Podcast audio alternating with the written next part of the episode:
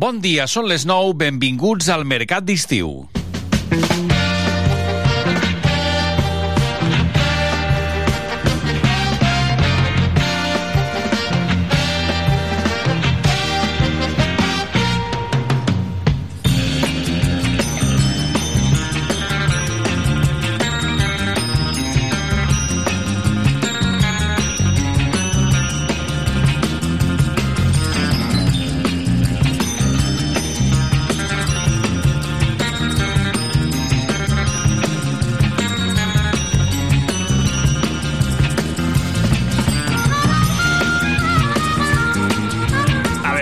Enfoquem-nos el micro bé, cap a la boca, per parlar per la ràdio. És de... Doncs això, per començar el programa, és l'imprescindible, l'indispensable, tenir el micròfon ben, eh, ben dirigit.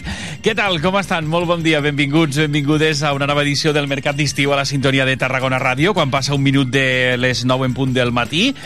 Som ja dimarts 20, uh, no, 20, 24, no, som a dimarts 4 de juliol, no 24. Encara falta, encara falta per al, per al 24. A més, el 24 serà el dia després de les eleccions i hi haurà un altre tarannà.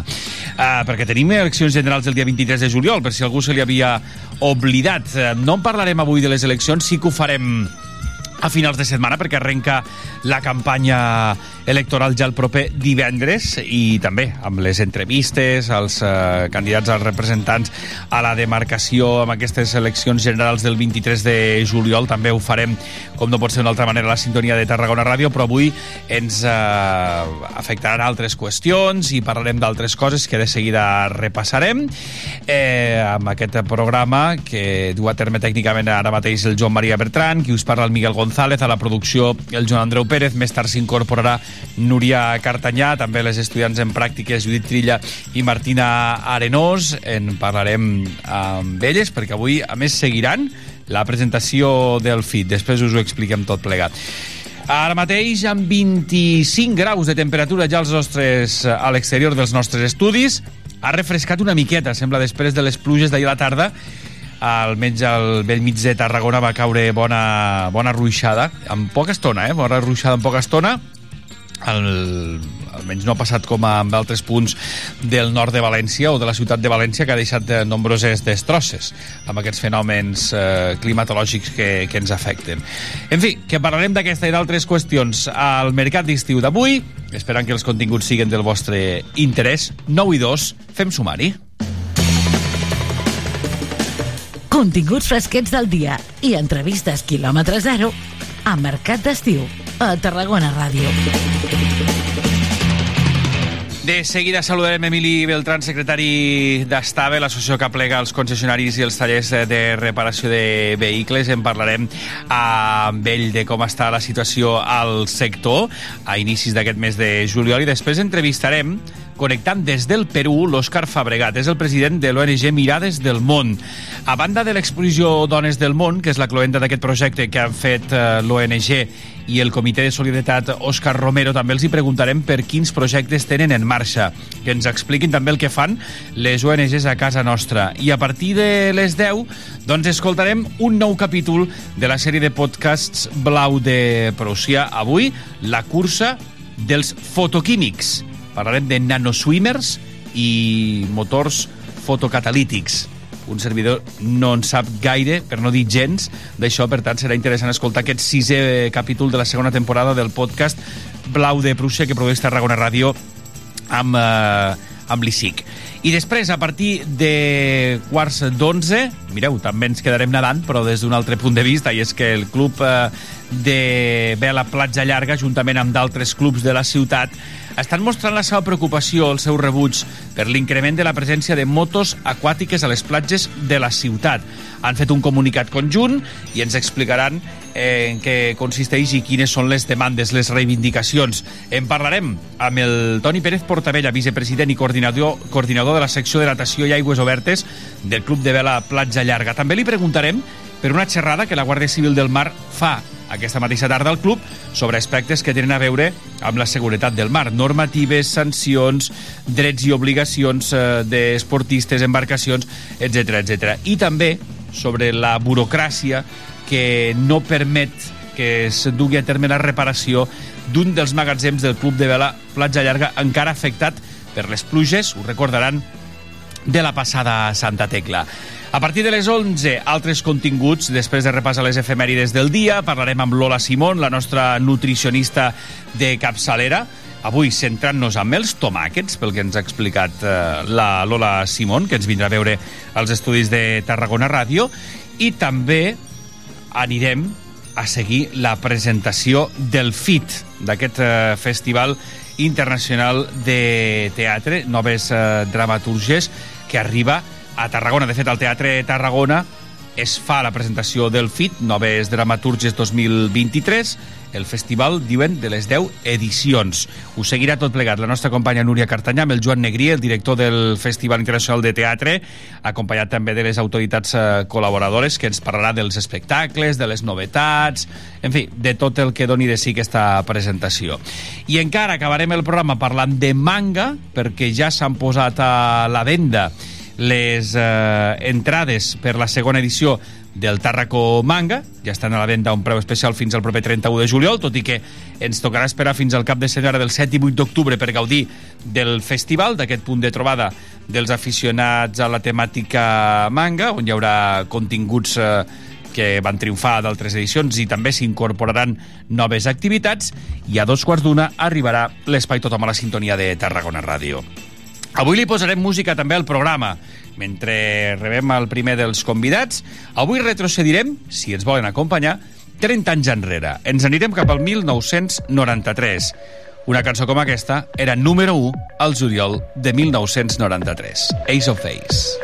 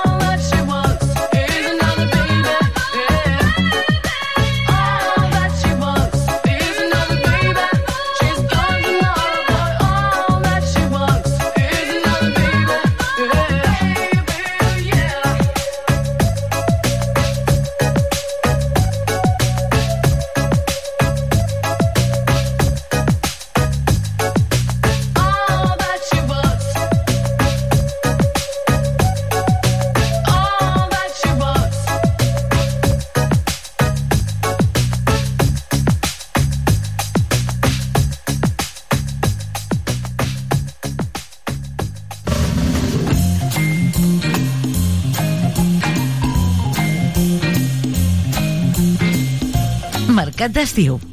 Tarragona Ràdio.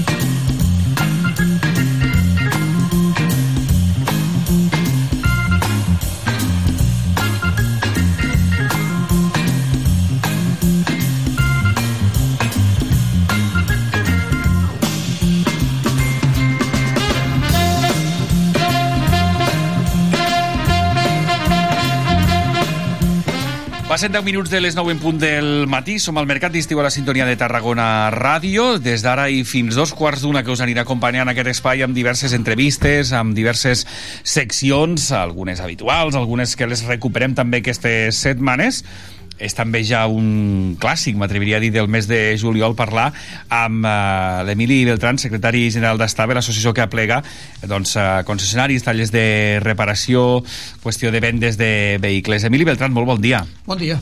Moltíssimes gràcies per acompanyar-nos. A vosaltres. Eh, deia que és un clàssic eh, parlar amb tu perquè sempre solem fer balanç a, a l'estiu una mica doncs, ja de, de com eh, s'estan duent a terme o com s'estan situant les vendes, sobretot sempre comencem per aquí, no? parlant de vendes de, de turisme.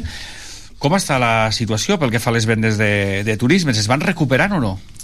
Sí, hem de parlar que comparativament amb, amb l'any anterior, amb l'any 2022, uh -huh.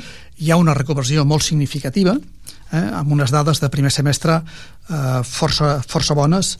Per què? Perquè eh, dono, dono les xifres. Eh, amb, Estaria amb... parlant, perdona, de dades del primer semestre del 23, eh? Correcte. Per tant, comparades amb les del, amb les del 2022. Correcte. Estem Val. parlant del primer semestre complet ja, uh -huh i mira, les dades són significatives.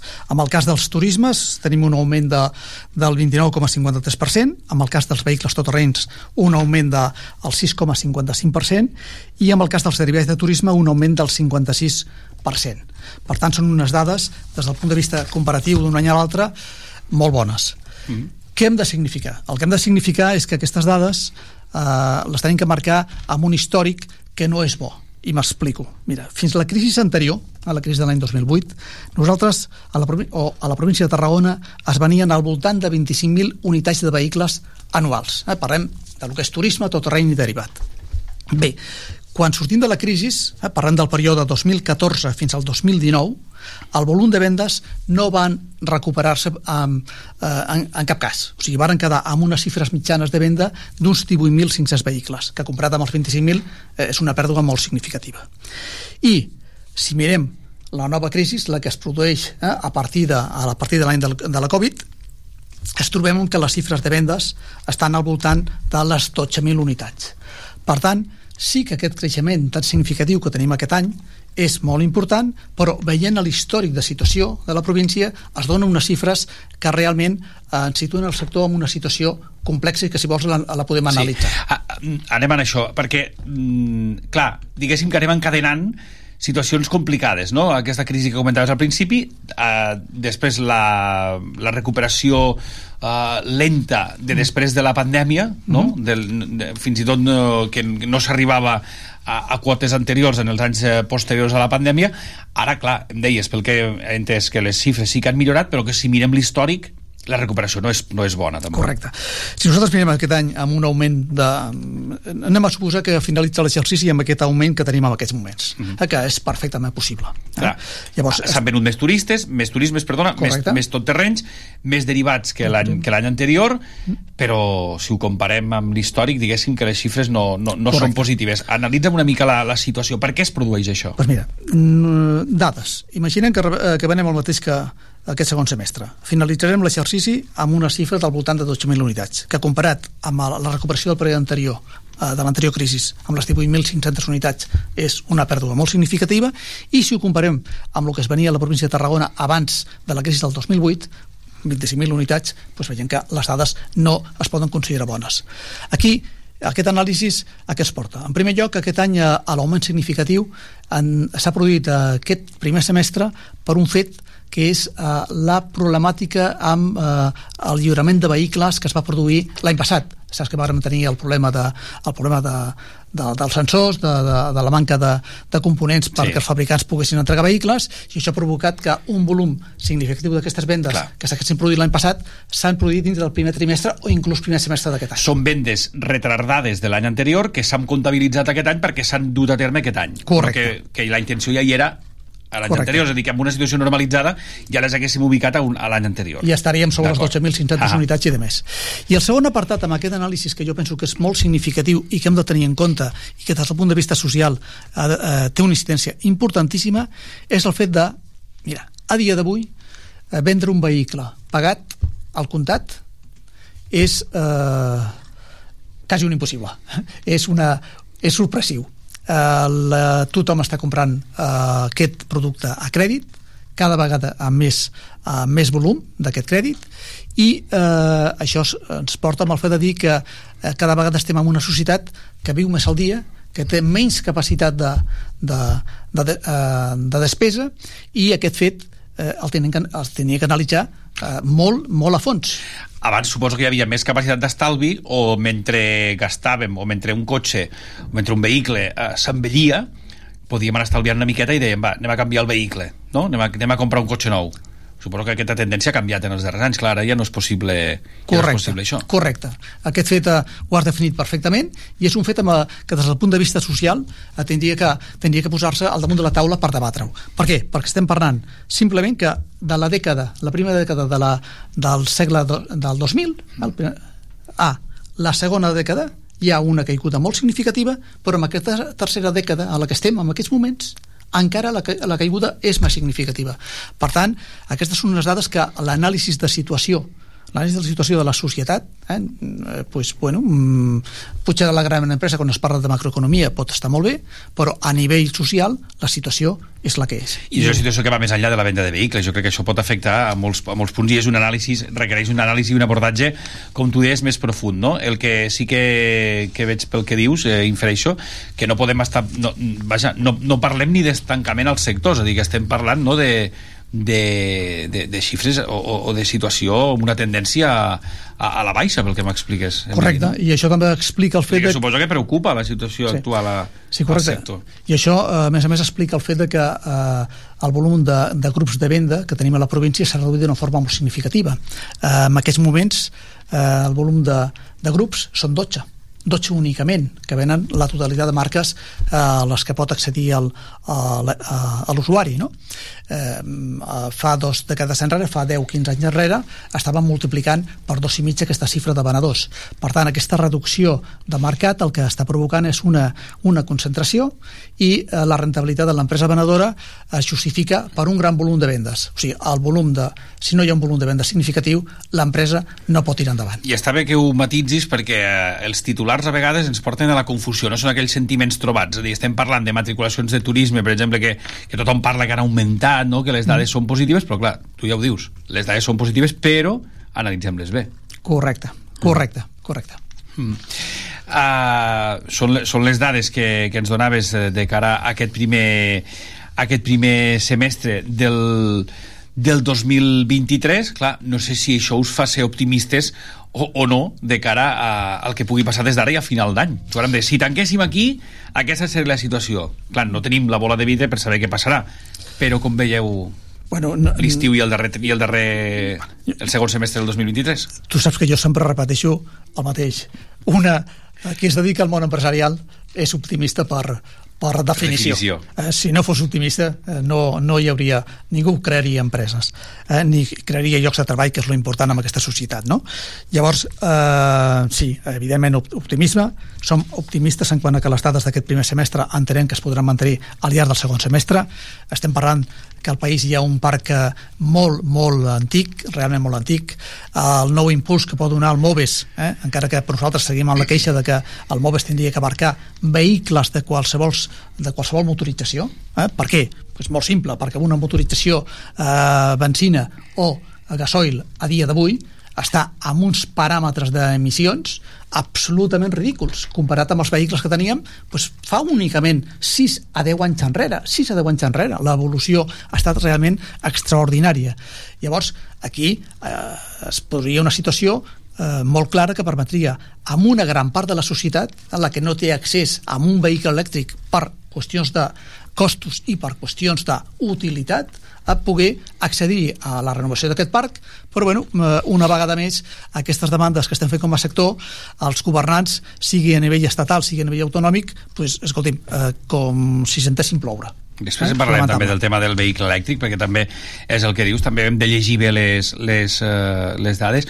Apunten algunes veus, no sé si n'estaràs d'acord, que a banda de, del tema d'aquestes vendes que em comentaves abans que s'havien retardat doncs, pel tema del, dels microchips, no sé si heu notat també que les empreses de lloguer de vehicles renoven les flotes, o, o no, aquí a, la, a les nostres contrades no es nota tant, al nostre territori. Doncs pues mira, al nostre territori no es nota. De cara a l'estiu, eh? Sí, sí. Dic, dic perquè a nivell català sí que havien dit que, que, es, que es notava aquest indicador també. Sí.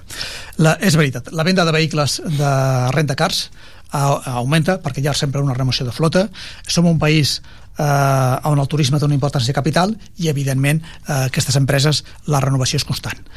Què succeeix? Pues el que succeeix a Catalunya és que no s'està afectant a les empreses que vivim aquí, a les empreses que estem ubicades a Catalunya. Per quina raó? Perquè aquestes empreses de renta car s'han ubicat fora de Catalunya donat el fet del pagament de l'impost de CO2.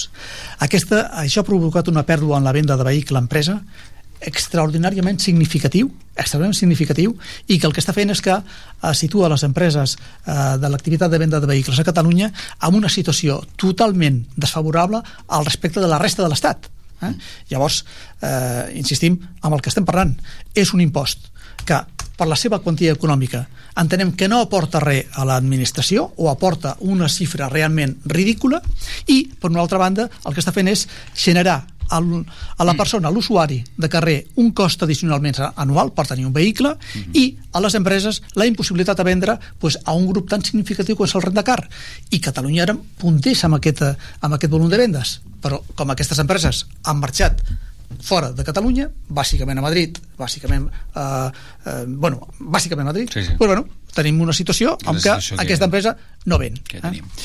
Eh, Emilia, en, en relació amb els electrificats, eh, elèctrics, eh, híbrids, endollables, eh, què diuen les dades? Com ho analitzem tot plegat, això? Pues mira, te donaré unes dades eh, molt clares. T'he de dir que no és la del primer semestre, sinó el primer trimestre de l'any, eh, perquè aquestes dades sempre les tenim que, que, eh, que comptabilitzar d'una forma molt més eh, ajustada, però la dada del primer semestre és perfectament comparable amb el que estem veient amb el, amb el, amb el primer semestre de l'any. Mira, a Tarragona han venut un total, estem parlant de turisme, tot terreny derivat, un total de 3.529 unitats aquest primer semestre. D'aquestes, el que són els vehicles amb benzina i dièsel, eh? o sigui, tot allò que no té electrificació, són 3.011 unitats. Si mirem el volum de vendes de vehicle elèctric pur, el vehicle elèctric pur han venut 230 unitats. És un 6,5%. És un percentatge més significatiu, evidentment, que el que teníem anys anteriors. Però segueix sent un percentatge sobre el total del mercat, eh, sobre el total de, de lo que és el negoci del venedor, molt petit. Llavors, a mi m'agrada molt destacar el fet de la dada de l'elèctric per una raó molt simple perquè les dades que ens estan donant de forma continuada, bàsicament des de l'administració i que transmet la premsa, la premsa és la dada d'un vehicle elèctric on s'incorpora, més a més del que és 100% elèctric, el vehicle que eh, té, és endollable, però que porta un motor elèctric acompanyat d'un motor benzina o dièsel. Llavors, aquesta, aquesta dada distorsiona significativament el mercat. I per què el distorsiona? Perquè aquest tipus de vehicle per normativa, i la normativa que està fixant l'estat espanyol i que està fixant la Unió Europea, és possible que en cert temps pues, no es pugui ni vendre. Per tant, aquesta xifra de 403 unitats que s'afixim als elèctrics purs i durs, que són 200, 230, ens situa en que les vendes de l'exercici, eh, eh, o perdó, de l'exercici del primer semestre, uh mhm. -huh. estaria en un 11,5%. Eh? Però insisteixo, és una dada que no és la real, perquè la real seria el vehicle elèctric pur 6,5%. Passa una mica com el que dèiem abans. Una cosa és el que diuen les dades i després el que llegim quan les analitzem, no? El que veiem quan les analitzem que no, no, Correcte. no coincideix. Correcte. eh? Correcte. Uh, hi ha tot aquest tema de la, de la mesura, aquest descompte del 15% de l'IRPF en els vehicles elèctrics nous. Com, com ho valoreu? Eh, positivament, pel que fa a l'aplicació la, amb el, el, del Moves 3, aquesta modificació, mm. eh, està en marxa des del dia 1 de juny, eh, és aprovació de l'últim Consell de Ministres que s'ha fet abans de les eleccions, i la publicació del Real Decret es va fer de forma immediata els dos dies. Eh, D'aquest Real Decret, eh, l'apartat que ens afecta pel que tu em preguntes al Moves està en vigor des de l'1 de, de juny, per tant, aquí tenim un, eh, hi ha un argumentari pel venedor i hi ha un, una opció pel, per l'usuari molt significativa eh, de, eh, de, de, de que la subvenció eh, s'amplia de forma molt important. Aquesta, aquesta aplicació de, del 15% a l'IRPF, què suposa? Suposa que al marge de la pròpia o incloent-hi la pròpia eh, reducció del MOVES, eh, eh hi ha, eh, reducció que recordeu, hi ha una part que fa el venedor i una part que fa l'administració, s'afegeix el fet de que la renda es podrà arribar fins als 20.000 euros de deducció. Per tant, estem parlant d'una mesura que va bé, però insistim, l'han focalitzat eh, exclusivament amb el MOVES, amb el vehicle elèctric. Clar.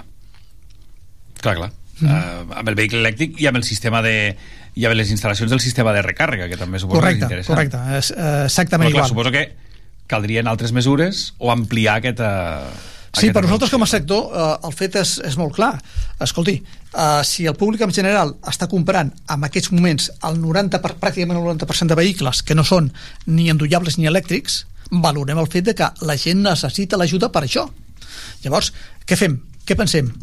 Amb, eh, a paradigmes eh, eh, purament, eh, purament eh, eh, teòrics o pensem en la gent? Si pensem en la gent, el que hem de fer, evidentment, eh, amb la gent, la població, que és aplicar aquests, aquest tipus d'ajuts a la compra també d'uns vehicles que, insisteixo, insisteixo, si fem el canvi d'un vehicle, benzina o dièsel, eh, fabricat a dia d'avui, respecte a aquest vehicle amb una antiguitat de 10 anys, eh, de 10 anys, estem parlant d'una millora mediambiental extraordinària extraordinària. Llavors, si el que es pretén és una millora ambiental i si el públic el que fa, el que requereix, el que necessita el ciutadà és amb un 90% comprar aquesta tipologia de vehicles, per què no es té en compte, perquè no s'escolta ni el sector ni el propi ciutadà. Aquesta és la pregunta que no entenem, que no tingui resposta. Ni s'explica moltes vegades, no? Ni, ni es dona a conèixer aquest punt de vista. I ara vosaltres, perquè ho expliqueu de, evidentment des, de, des del sector, i, i és positiu, però clar, això s'hauria de generalitzar, potser, no?, aquest punt sí, de vista. Sí, eh, però estem en una societat on si hi ha una manifestació que està en contra d'una línia, mm. d'una línia de pensament,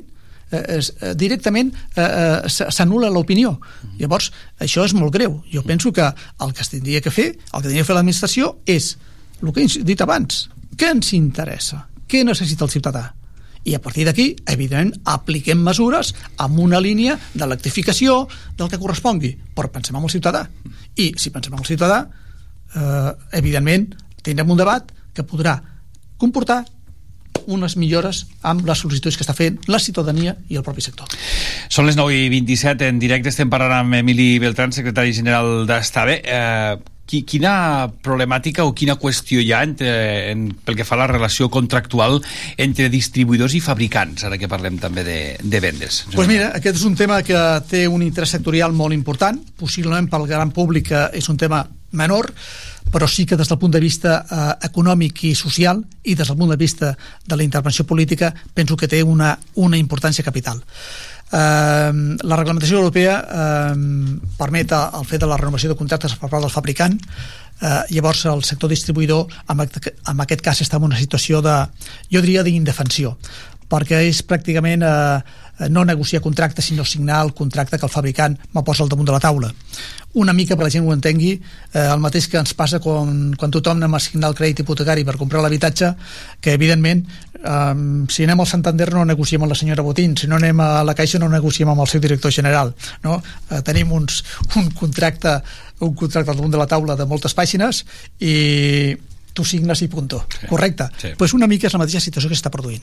Nosaltres portem diversos anys intentant que la reglamentació espanyola, eh, que és la, el, el, la llei sobre el contracte d'agència, eh, permeti una, va, uh, la incorporació d'uns uh, mínims que assegurin a l'inversor que és l'inversor de, eh, català o espanyol, eh, el que genera llocs de treball en aquest país, eh, el fet de disposar d'una seguretat jurídica mínima en quant a indemnitzacions per inversions realitzades, que són les que m'obliga el fabricant, eh, per la generació de, de, de, de, de la imatge de marca. Mm -hmm. bueno, eh, per defensar fins i tot els llocs de treball al davant d'una cancel·lació de contracte.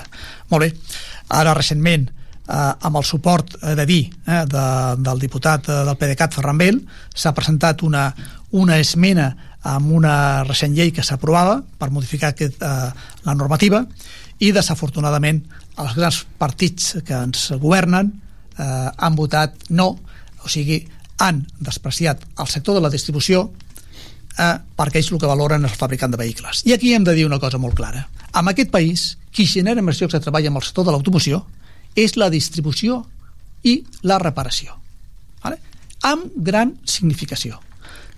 En canvi, com que estem parlant de petites pimes, eh, pues, bueno, el, la petita pima per la classe política sembla ser que la fotografia no és maca uh -huh. i el que prefereix és la fotografia amb el gran fabricant i això ens porta a una situació pues, també, també incomprensible com la que estàvem comentant anteriorment al respecte de, sí. de, dels ajuts a la venda de vehicles uh -huh. I quina solució proposen? Eh, no hi ha solució o sigui, nosaltres seguim en, una, en un cas amb la, on hi ha una dominància del fabricant amb el contracte que s'ofereix al distribuïdor molt significativa i bueno, aquí tenim una mica el resultat que s'ha anat produint al llarg d'aquests anys. Una reducció del volum de venedors eh? Eh, una concentració i bueno, eh, entenem que, que eh, ho hem d'entendre que tota concentració també comporta una reducció de llocs de treball això és una cosa ben, ben evident no? per tant, des del punt de vista polític el fet que no s'atenguin aquest tipus de demandes doncs, bueno, es deixen absolutament sorpresos una vegada més Estaves l'Associació Empresarial de Tallers de Reparació i venedors eh, d'elements d'automoció. Parlem precisament dels, eh, dels tallers, eh, incidint amb el tema de la, de la postvenda i la reparació, senyor Beltran. Molt bé, jo amb les dades de venda realment... Eh, perdó, les dades de reparació són bones, varen tenir eh, l'any anterior unes molt bones dades. Eh, aquest any eh, la tendència del primer semestre segueix en positiva, és un sector on hi ha unes puntes de treball de pujades i baixades molt importants content que el sector està conformat bàsicament per petita pime però sobretot amb un percentatge d'un 85% per microempresa eh?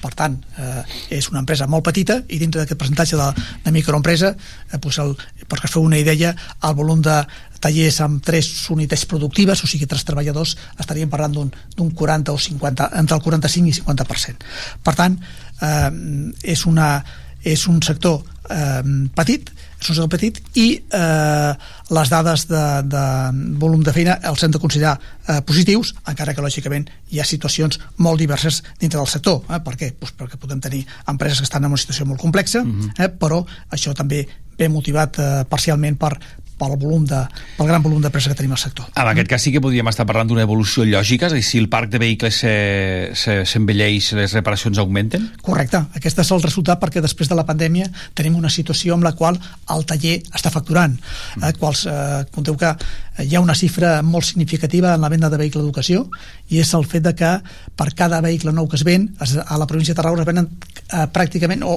una mica més de 3 unitats de vehicle d'educació. L'ocasió i segona mà continuarà a l'alça, doncs, eh? Pel correcte, correcte. Llavors, d'aquesta xifra de vehicle d'ocasió, conteu que el 50%, o m'has ben dit, una mica més del 50% són vehicles de més de 10 anys.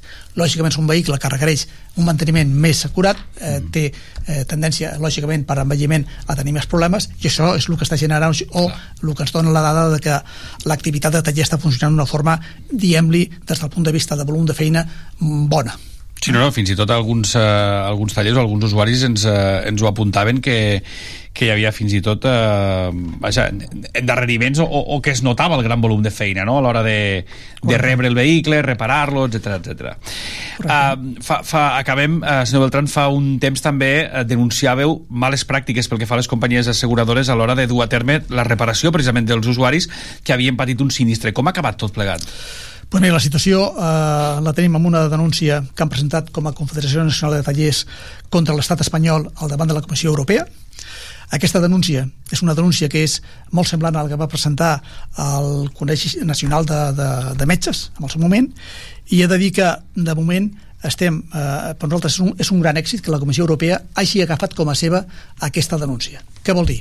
Vol dir que entenc que hi ha motius eh, per aquesta queixa que està realitzant el sector, i eh, això ha permès que nosaltres no tinguem que continuar el procediment eh, de reclamació amb abogats, o sigui, eh, anar-hi amb un procediment de despesa. La pròpia, la pròpia Comissió Europea agafa el cas i en aquests moments començarà el que són la, la petició eh, la petició de dades a l'estat espanyol a la, a, a la a la Comissió Nacional de Mercat de la Competència respecte a les queixes que han formulat, que és la imposició de preus, la retirada de vehicles del taller, la paritació absolutament, absolutament subjectiva i a favor de la companyia asseguradora perquè el pèrit o és una persona que cobra de l'asseguradora o és una persona contractada per l'asseguradora, amb la qual ens trobem valoracions de fins al 40% per sota del cost real d'una reparació. Hauria de més, objectivi més objectivitat, no? més, sí, sí. més, més imparcialitat. Dir, ja puc dir que hi ha companyies asseguradores que estan pagant menys de 30 euros hora en un taller quan repara.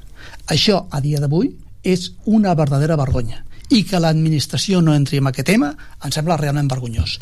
És un fet que eh, que es, es col·liga eh, se n'ajunta a nivell de sector, eh, de reparador, amb la problemàtica de, de l'accés a les línies de crèdit. Eh? L'accés a les línies de crèdit en aquests moments pels tallers de, de reparació o les línies de subvenció eh, són limitadíssimes. Ara, recentment, o en aquests moments estem amb una línia oberta per la Generalitat, eh, per empreses que, a més a més, indiquen específicament tallers de reparació, són 10 programes, d'aquests 10 programes únicament ens podem acollir en un programa i únicament ens podem acollir per demanar subvenció si algú va instal·lar portes de tancament eh, que són les que va obligar l'estiu passat, a l'agost passat, la normativa estatal, recordeu, sí. eh, per evitar la, la, la pèrdua de, de, de refrigeració sí, de locals. Sí, el tema dels vale? sí. Únicament això.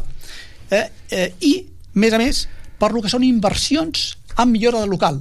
En canvi, en canvi, no es permeten entrar en el que realment necessita el sector, que és la compra d'equipament absolutament necessària per l'evolució tecnològica dels vehicles i absolutament necessària per adaptar-se als vehicles elèctrics i híbrids que requereixen un, un, un sistemes de components molt específics. Doncs, bueno, això, una vegada més, no es té en compte. Petició del sector? No sé. Mm, o sigui, solament ens falten a Lourdes per demanar-ho. Eh? Solament això. Bueno, la classe política, el governant, no se n'entara absolutament.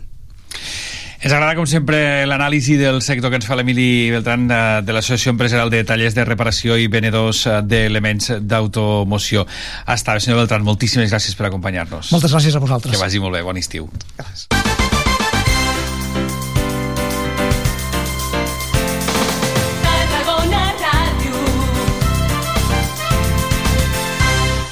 Moll de Costa, la Rambla de la Cultura a la vora del mar Vine i passeja per l'eix de la cultura, del lleure i de l'esport al Port de Tarragona. Hi trobaràs museus, exposicions, teatre, activitats, espais per passejar i fer esport.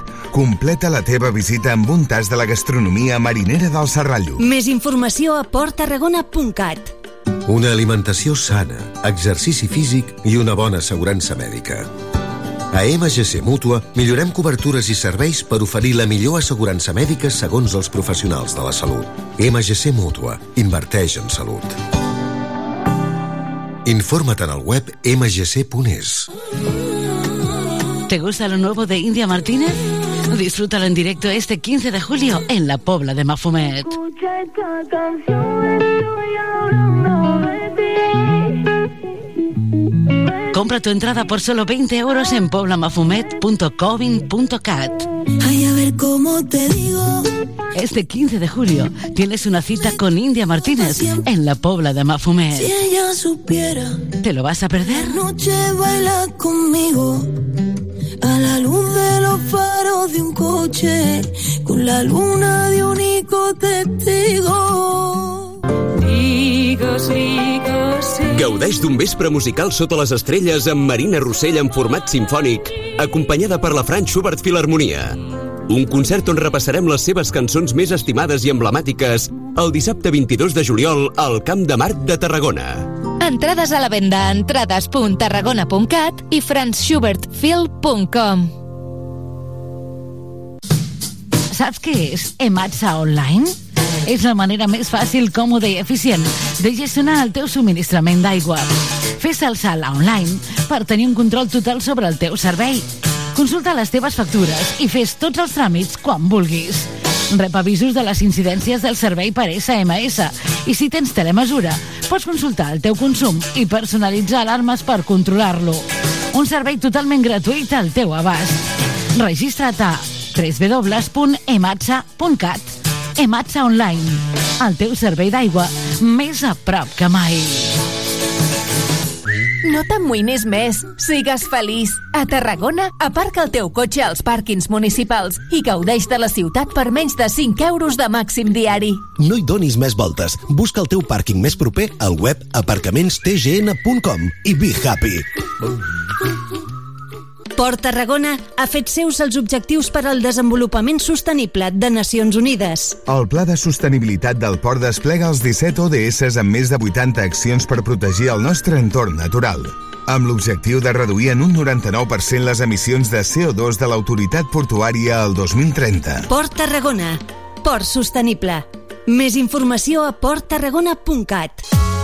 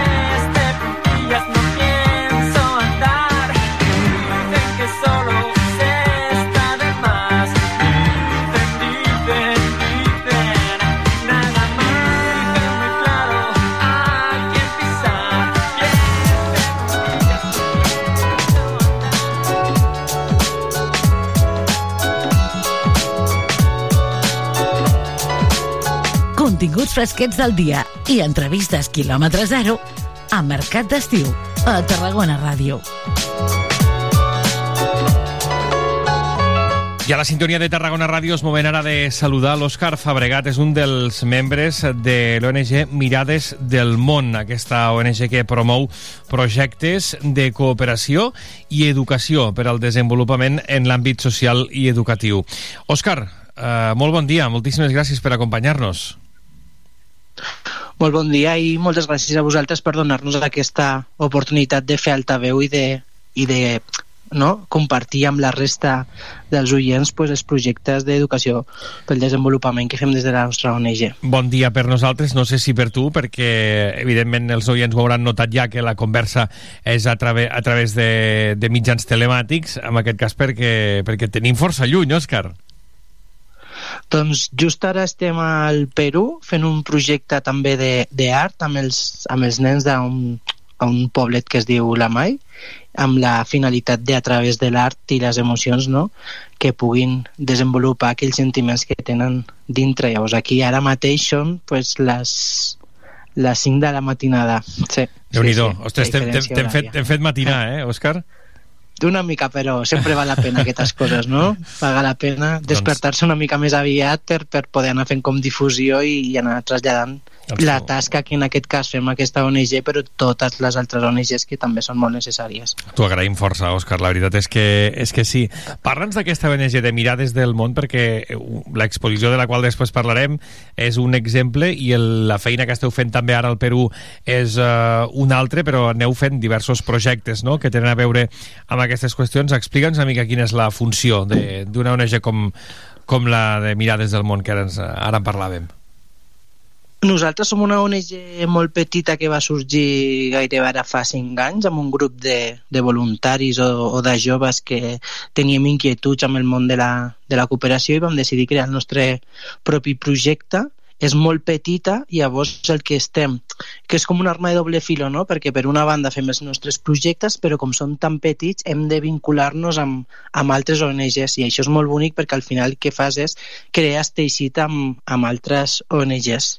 -huh. La nostra ONG, diguéssim que té tres branques, no? La primera branca és l'educació pel desenvolupament, que el que fem són tot tasques de, de, de sensibilització als nens i les nenes a, a Catalunya, no? sobretot al camp de Tarragona, més Reus i Tarragona i, i Cambrils. No? La segona part, que és el que estem desenvolupant, ara són projectes de cooperació internacional, que és com, com t'estava dient abans, no tenim cap projecte gran fixe, sinó el que fem és anem treballant amb diferents ONGs. No? Hem estat a Tanzània, ara hem estat a Perú, també hem treballat a Nepal, llavors ens vinculem amb altres ONGs que tenen ja els seus projectes establerts i nosaltres els oferim pues, el que nosaltres eh, fem, no? que és tot a través de l'art, treballar el tema de les emocions, el tema de la sensibilització cap, a, cap als nens i després crear com un vincle no?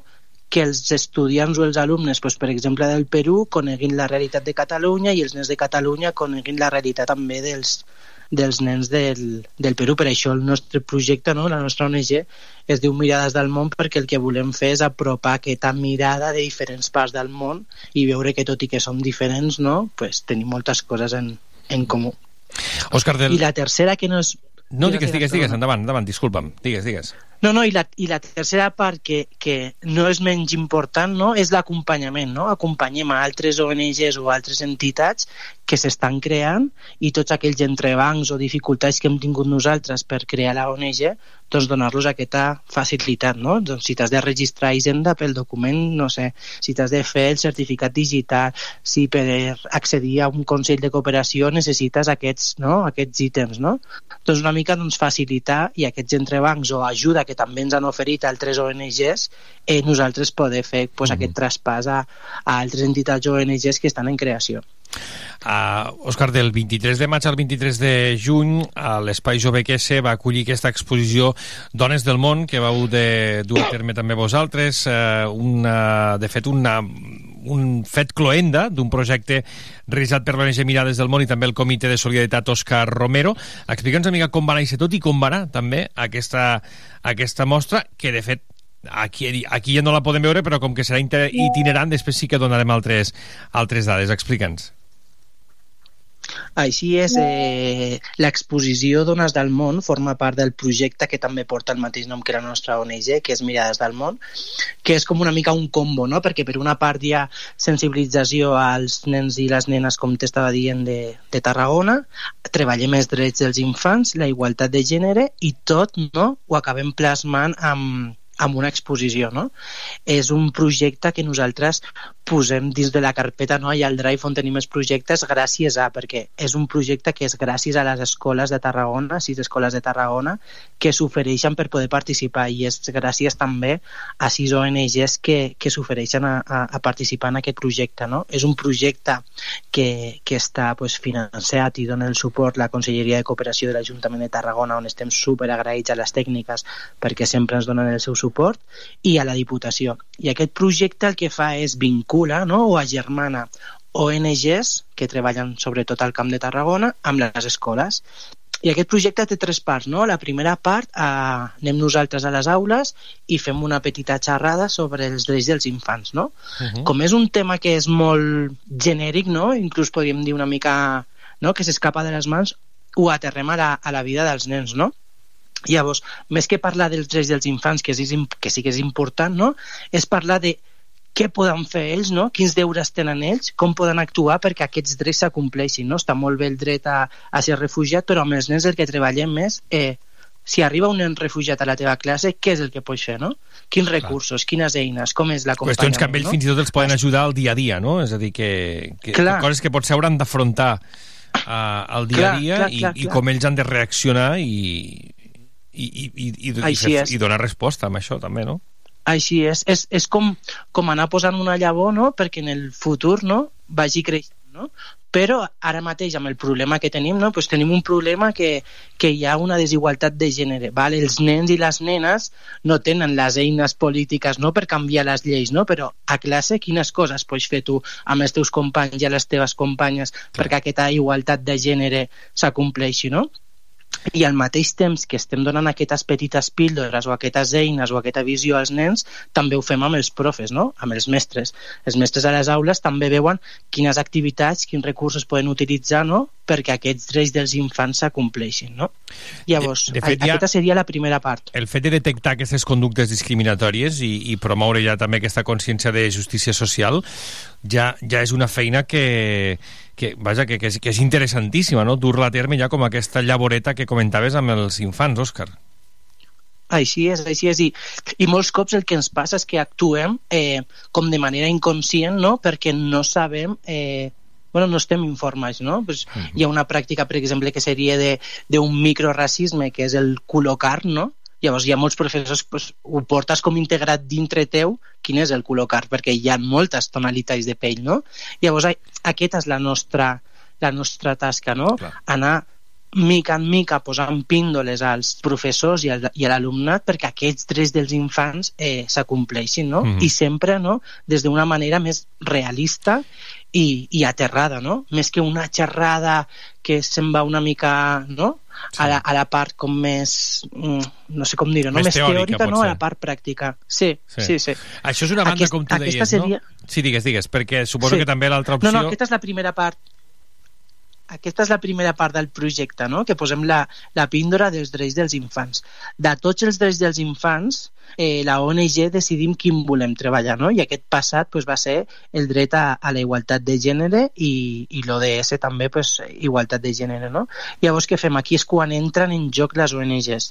Les ONGs visiten a les escoles i expliquen, per una banda, no, la contextualització del seu projecte, no? doncs us poso un, un exemple, no? la Fundació Vicente Ferrer que treballa a l'Índia.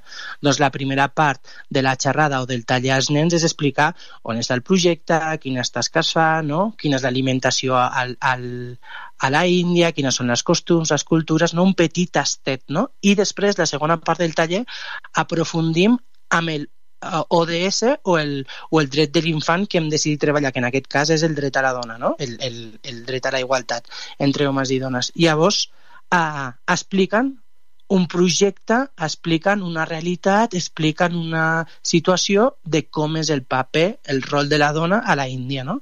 I ho fem a través de una carta, sí?, on s'explica la vida d'una dona, no?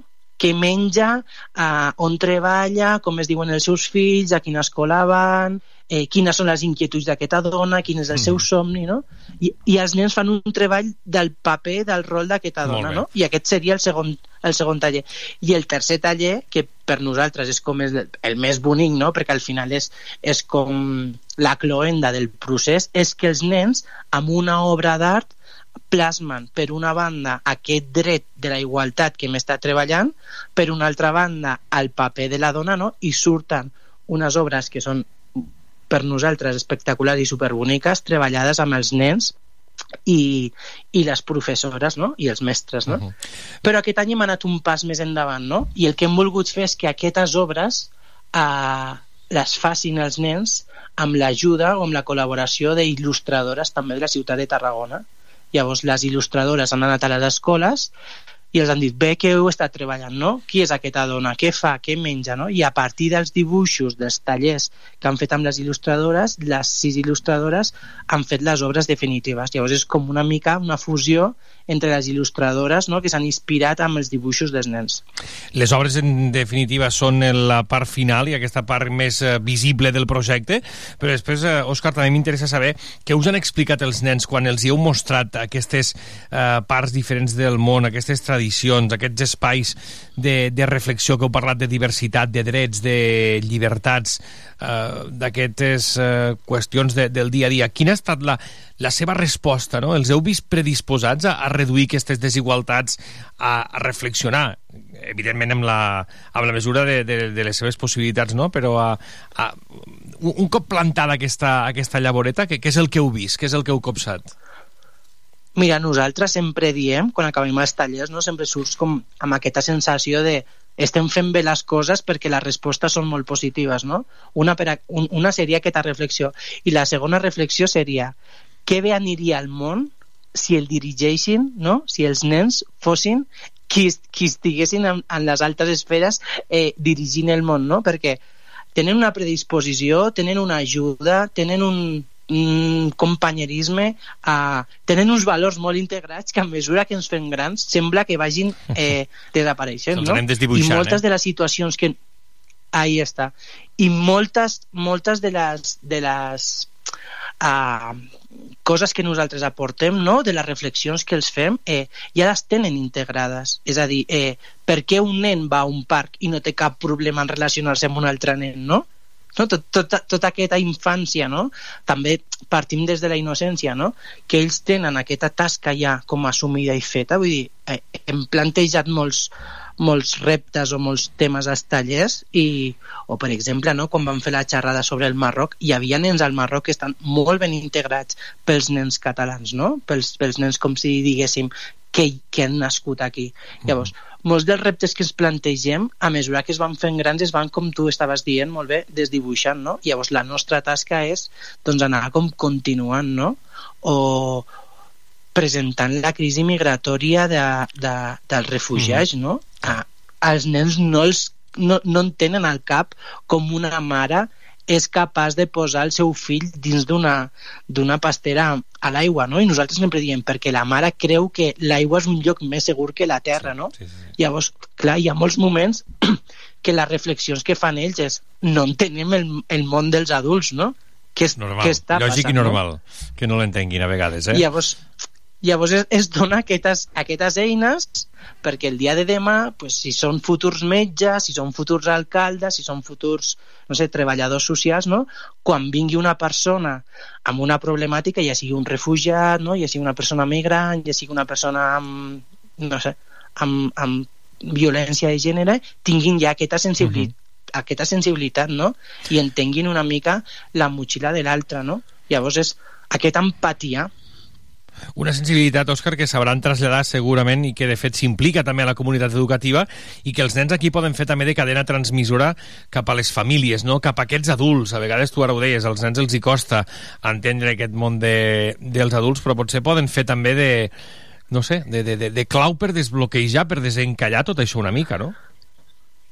Tam, tam, també, eh? I el, i el tema de l'exposició, no? que al final el més important de tot és el procés, no? Vull dir, si s'ha d'avaluar alguna cosa, s'ha d'avaluar el procés, no? I el procés és que els nens al final integren dintre seu, no?, que hi ha uns drets dels infants, que, que hi ha uns deures que hem de complir, no?, que hi ha una desigualtat de gènere que ells han de treballar, aquest seria el procés que nosaltres hauríem d'avaluar. Llavors, eh, la cluenda o el producte final és l'exposició. Que ens hem adonat que si tu fas l'exposició fora de l'escola, els nens no poden anar sols a veure l'exposició. Van amb les famílies, o van amb els avis, o van amb els pares, o amb les mares, o amb els cosins, no?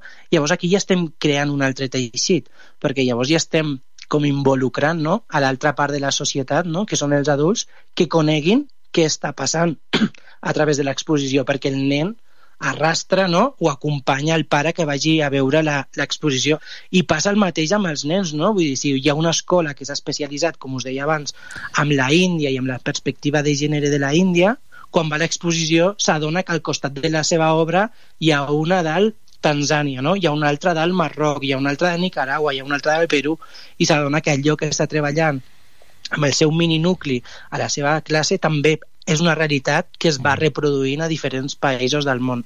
Una exposició, Òscar, que hem pogut veure ara fins al 23 de juny a l'Espai Quese i que ara, en breu, ja també la podrem veure amb altres indrets de Tarragona. Per tant, és itinerant. Per tant, si algú no l'ha vista o vol apropar-s'hi o vol saber de més, ho podrà continuar fent aquest estiu. Així és, ara estarà l'exposició al Campus Catalunya i després serà itinerant pels diferents eh, centres o, o seus de, de, la, de la Universitat Rovira i Virgili, que també és important no, que els estudiants vegin no, eh, el treball que han fet els nens i tota la feina que, que hi ha darrere i, i el que han estat treballant i sobretot a la Facultat d'Educació no? de Ciències de la Psicologia, de Ciències de l'Educació i la Psicologia, uh -huh. on els futurs mestres no, veuran quines, quin treball s'està fent a les aules i el dia de demà si són professors no, que tinguin com una petita pinzellada a través de l'exposició de, de a banda del tema curricular no, que s'ha d'ensenyar a sumar, s'ha d'ensenyar a restar, però també s'ha d'ensenyar a ser respectuós, a ser empàtic i a, i a posar-se en les sabates dels, dels altres. Molt bé. Òscar, hi ha algun altre projecte? Ja em deies que aneu també doncs, assumint petits petits rols, jo, jo diria que petits grans projectes, eh? però, però vaja, la feina que esteu fent també a, a, ara mateix al Perú, com ens comentaves, vull dir que aneu, aneu obrint diferents fronts no? per anar-hi per anar treballant. Suposo que amb entitats com la vostra sempre falten mans, sempre falten recursos. Així és, així és. Eh, nosaltres estem oberts a que tothom que vulgui formar part de la ONG o vulgui ser voluntari, doncs, doncs benvingut. Som, som pocs, però com dic jo sempre, no? som valents i, i si s'ha de muntar l'exposició, doncs muntem l'exposició, si s'ha d'anar a l'escola, s'ha d'anar a l'escola i el més gratificant és quan, quan s'acaba no? i fas com aquesta valoració o reflexió de dir aquest projecte ha arribat a més de 400 infants a Tarragona cada any i més de 50 mestres, no? És a dir, eh, val la pena, no? I llavors, no? crear aquests espais i aquest, i aquest tipus de tallers mm -hmm. també és una oportunitat no? per fer d'aquest món un, un món millor no? i també t'adones que quan s'acaba el projecte hi ha moltes escoles i molts mestres que sobretot mestres que han fet el projecte a una escola i han canviat a una altra escola on no estem vinculats, no? on no existeix el projecte, el volen fer, no? perquè l'oferta d'educació pel desenvolupament a les escoles no? És molt petita, no? Llavors, també des d'aquí no, aprofito no, per reivindicar no, totes aquestes activitats de sensibilització, de, de cooperació, no, de, de, de crear no, un món millor ah, que es puguin dur a terme, no? perquè, uh -huh. perquè hi ha molta demanda. Clar, clar. Mm. Òscar Fabregat, doncs, uh, moltíssimes gràcies per apropar-nos també a la feina que feu, gràcies per atendre'ns, gràcies per la, per la matinada que, que t'hem fet fer per compartir amb nosaltres aquesta estoneta de ràdio i sobretot gràcies per la tasca que feu, per l'entusiasme i per tot el que ens ensenyeu. Moltíssimes gràcies. I, I gràcies a vosaltres, com he començat al principi, per fer altaveu i perquè no, els mitjans de comunicació també eh, transmetin eh, bones notícies, no? Anem com creant un, un, un món millor, no? Sí. No tot és dolent. Així que moltes gràcies a vosaltres per la tasca que feu també. I tant. Òscar, gràcies. Que vagi molt bé. Gràcies, una abraçada.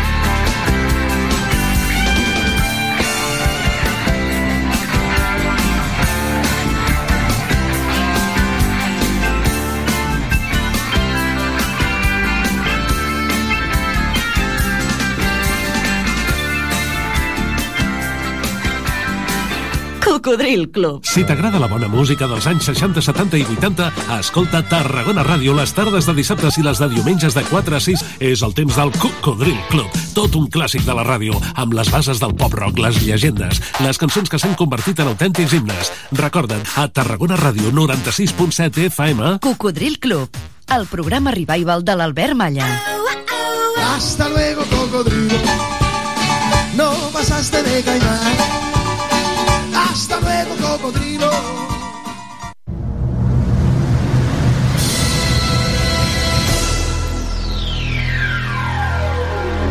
Cada dissabte a les 10 de la nit... En cabina, DJ Parry. DJ Parry, el DJ resident de Tarragona Ràdio, t'ofereix la millor selecció musical perquè et montis la festa allà on vulguis. Els darrers èxits musicals els trobaràs a Tarragona Ràdio, cada dissabte a les 10 de la nit i amb DJ Parry. Prova-ho i repetiràs.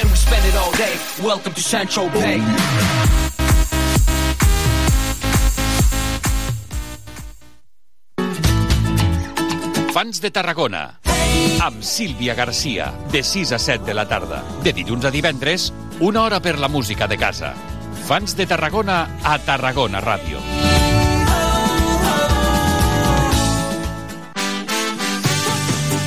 A Tarragona Ràdio som 40.000 oients. Anunciat a la ràdio local líder en l'actualitat, entreteniment i informació tarragonina. Contacta amb nosaltres al 977 24 53 64 de 9 a 2 al migdia o escriu-nos a publicitat arroba emmct.cat perquè a Tarragona Ràdio t'escoltem.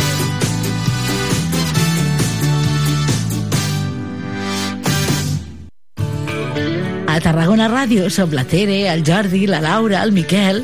Bé, ja ho saps, ja ens coneixes. Però ara hem descobert que a Tarragona Ràdio també hi ha el Pau, la Dora, la Laia, la Leix, l'Andreu, la Pili, l'Ester, l'Emma, el Dan... 40.000 oients ens escolten cada mes. 31.000 descàrregues de podcast. 7.700 oients cada dia. 11% de share a la ciutat. 29.000 seguidors a les xarxes. 97.000 hores d'escolta en streaming. 6 a cada 10 tarragonins us informeu amb nosaltres. La Maria Dolors, la Montse... Buah, quanta gent!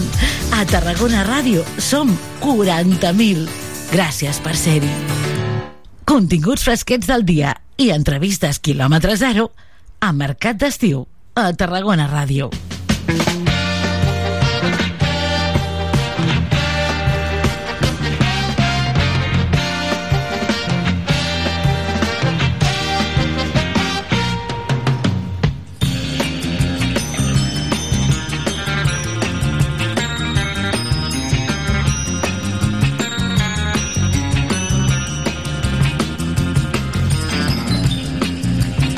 Vinga, que ja som a la segona hora d'aquest mercat d'estiu. Ens hi posàvem a les 9. Hem repassat el que dona de sí eh, aquest balanç que ens han fet des del sector de la venda i reparació de vehicles, amb Emili Beltran, secretari general d'Estave. Hem escoltat també els projectes de l'ONG Mirades del Món i ara de seguida us oferirem el sisè capítol de la segona temporada del podcast Blau de Prússia, que produeix Tarragona Ràdio amb l'Institut Català d'Investigació Química. La cursa dels fotoquímics, nanoswimmers i motors fotocatalítics. Són termes que ens costen de dir i d'assimilar, però segur que ens els expliquen bé al Blau de Prússia. L'escoltarem tot seguit a la sintonia de Tarragona Ràdio. I després entomarem les reivindicacions de diversos clubs de la ciutat que, com ara el Club de Tenis Tarragona, el Club de Vela Platja Llarga, el Club Natació Tàrraco, l'Associació Aigües Obertes, la Rabassada Xina, mostren la seva preocupació i el seu rebuig pel que consideren un increment de la presència de motos aquàtiques a les platges de la ciutat amb els perills que això comporta, diuen. En parlarem amb el Toni Pérez Portabella, vicepresident i coordinador de la secció de natació i aigües obertes del Club de Vela Platja Llarga. També li preguntarem per una xerrada que la Guàrdia Civil del Mar ofereix aquesta mateixa tarda i també per eh, la situació d'algun dels equipaments del Club de Vela Platja Llarga que va quedar malmès per les pluges torrencials del passat mes de setembre, de la passada Santa Tecla. De tot plegat, en parlarem aquí al mercat d'estiu, des d'ara i fins dos quarts eh, d'una del migdia. Passarem també pel FIT, pel Festival Internacional de Teatre, Noves Dramaturges, serà cap a quarts de dotze. Abans haurem parlat amb la nostra nutricionista de capçalera, la Lola Simón, i també haurem parlat de l'Estàrraco Manga, que arribarà a l'octubre, però ja s'han posat eh, a la venda les entrades a un preu més reduït. A la part tècnica, Lluís Comes, qui us parla, Miguel González, obrim sisè capítol de la segona temporada del Blau de Prússia.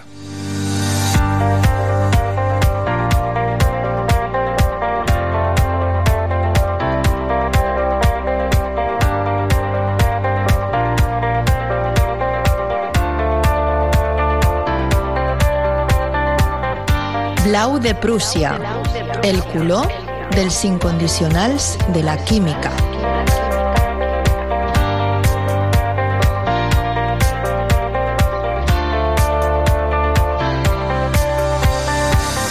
Comencem el sisè capítol de la segona temporada i ho fem agraint a la xarxa audiovisual local la nominació com a finalista dels Premis de Comunicació Local 2023 en la categoria de millor contingut multimèdia i transmèdia. Des d'aquí la nostra enhorabona a tots els guanyadors i també als finalistes. Torna a juliol i amb aquest sol les nostres platges s'omplen de gent que es bronceja i de banyistes que fan tot el possible per refrescar-se. Amb la calor, molta gent practica més els esports aquàtics, competint també en proves com la Ultra Swing Marathon, la travessia en aigües obertes a llarga distància de Terres de l'Ebre, que tindrà lloc a aquest eh, idíl·lic entorn dissabte dia 8. Combatre la contaminació és un altre tipus de repte, i avui parlarem d'una recerca que es basa en la llum del sol i també en el moviment d'uns minúsculs banyistes per fer-li front. Tindran aplicacions interessants aquests nedadors artificials? Pot la química també servir-se del sol per degradar contaminants? Agafem les ulleres de sol i el vestit de bany que arrenca la cursa dels fotoquímics, nanoswimmers i motors fotocatalítics. Aquest podcast és una coproducció de l'Institut Català d'Investigació Química i Tarragona Ràdio. Avui buscarem el blau de Prússia amb la doctora Caterine Villa, líder del grup de recerca LICIC i membre de l'Acadèmia Jove d'Espanya, i amb el doctor Felipe Garcés, investigador postdoctoral del grup del professor José Ramon Galán Mascarós.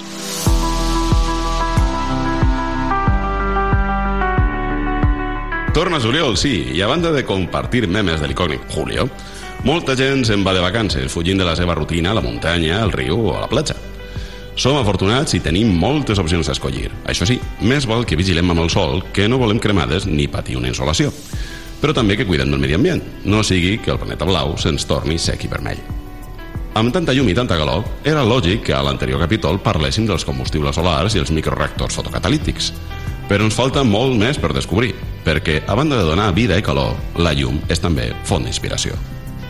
En La luz es como el agua, Gabriel García Márquez relata la història de dos nens que naveguen els feixos de llum que surten de trencar una bombeta com si foren dolç d'aigua. Aquest conte pelegrí és pura màgia, i el Gabo era un mestre de les lletres, però ens hauria agradat un final feliç. Potser podem aplicar-li el que hem après junts de fotoquímica. Llavors, en comptes d'una barca amb rems, faríem servir la llum del sol per impulsar uns enginys petitons capaços de navegar en diversos fluids, com fan els bacteris, les algues o l'esperma. Ara que ho penso, no us recordeu una mica els vehicles que surten a la pel·li El xip prodigiós? Bé, no penseu encara que m'ha tocat massa el sol, perquè sabeu una cosa? En el marc del projecte europeu Photoswim, el grup de recerca de la doctora Caterina Villa dissenya uns aparells nedadors que se'ls assemblen molt. Uns dispositius autònoms microscopis que es recarreguen amb la llum solar i que gràcies als seus materials luminescents podran a més funcionar a les fosques. Oi que sembla ciència-ficció dura? Doncs és pura ciència i tecnologia, i avui en sabrem més d'aquest tema. De manera anàloga als sistemes fotosintètics, aquests microswimmers i nanoswimmers, ja sabeu, per la seva grandària, nanotecnologia i la paraula anglesa per a nedador, estan constituïts amb semiconductors que responen a la llum solar, i això els permet fer-la servir per a interactuar dins d'un fluid en el seu entorn. Però parlant de que ens envolta, hem començat aquest capítol amb la llum del sol, els esports i la conservació del medi ambient. I la cosa és que encara no hem dit res de la contaminació que anunciava el Josep. I lo sabes, que diria el Juli Iglesias. Així que millor no maregem la perdiu i anem al kit de la qüestió. Pot la química valer-se del sol per a guanyar-li la partida a la contaminació? Yo diría que sí, porque la energía lumínica ¿no? induce reacciones químicas que las podemos usar para, por ejemplo, degradar compuestos orgánicos ¿no? que son contaminantes o también esa energía lumínica se puede utilizar para generar combustibles solares, ¿no? en el cual nos permite hacer la conversión, por ejemplo, de compuestos eh, de gases de efecto invernadero como CO2 y metano. Sí, por ejemplo, eh, esa energía lumínica también la podemos utilizar para activar eh, micronadadores artificiales, ¿no? que son pequeños dispositivos de tamaños similares a una bacteria, un virus, en los cuales ellos pueden tomar esa energía y convertirlo en movimiento pero adicionalmente no solo se mueven, pero también a raíz de esta fotoactivación pueden generar moléculas que son radicales libres que ayudan a romper estos eh, enlaces orgánicos de moléculas contaminantes, compuestos contaminantes como provenientes de la farmacéutica, de colorantes, eh, también se pueden utilizar para capturar eh, metales pesados del agua. Otro, otra alternativa adicional es el eliminar bacterias, ¿no? que también es, es algo muy problemático ahora en día porque ellas tienden, tienden a formar estos biofilms y es muy difícil de, eliminar.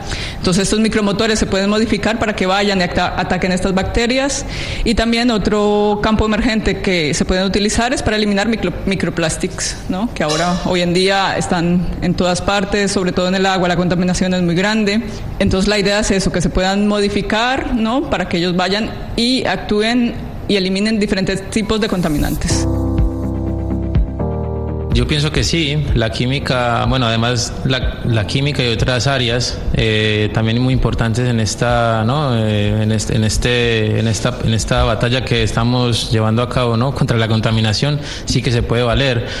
Eh, solo como ejemplo, desde que se empezó, no, desde que se conoce el efecto fotoeléctrico, que es básicamente por el principio por el cual funcionan todos los materiales en los cuales trabaja Caterine y otros grupos de investigación pues esto abrió un campo impresionante, entre ellos las celdas solares, ¿no? Eh, sensores, eh, toda la tecnología microchips que tenemos hoy en día, pues está basada, además del efecto fotoeléctrico, en semiconductores. Los semiconductores son como el corazón de, esta, ¿no? de, de, este, de este fenómeno sin los semiconductores no, no pudiésemos, eh, no, no podríamos eh, darle batalla al tema de la contaminación. Y no solo con, con el tema de los, eh, ¿no? de los microswimmers o micronadadores, como, como, como en español se diría, ¿no? sino también en otras áreas, por ejemplo, como el, descarbonizar ¿no? a, través de absorción del, de, la luz, de la luz del sol con celdas solares y posterior como hemos hablado en, ¿no? en podcast, en, en, anteriores sesiones. Eh, entonces, sí, los semiconductores son muy importantes en, en este, para este, en estos procesos. Y, y, la contaminación, pues sí, podríamos mitigarla desde varios puntos de vista. Una forma sería con los micronadadores, ¿no? Eh, como lo ha explicado Caterine eh, mitigando el tema de polutantes, de, ¿no? de contaminantes en las aguas, o por ejemplo usando estos semiconductores en las celdas solares, como se viene haciendo durante años, y como hay grupos ¿no? que vienen avanzando en otros tipos de semiconductores mm, amigables con el ambiente, ¿no? celdas orgánicas, celdas fotovoltaicas que se construyen a base de semiconductores orgánicos y de esta forma mitigar un, un poco el tema de la, de la contaminación. A su vez, eh, otra forma de mitigar sería, por ejemplo, eh, guardar esta energía lumínica ¿no? en enlaces químicos, como se suele hacer en, en, los, en los, procesos eh, más, más clásicos, como las hojas artificiales, ¿no? en los cuales guardamos la energía solar, usamos esa energía solar para dividir la molécula de agua y generar combustible. ¿sí? Y todo esto de una manera verde y sostenible. Así que sí, la conclusión sería así, la química, la física, la ciencia de materiales sí que valdría para, para llevar a cabo, ¿no? Para mitigar estos problemas que tenemos tan brutales de contaminación. Blau de Prússia, el color dels incondicionals de la química.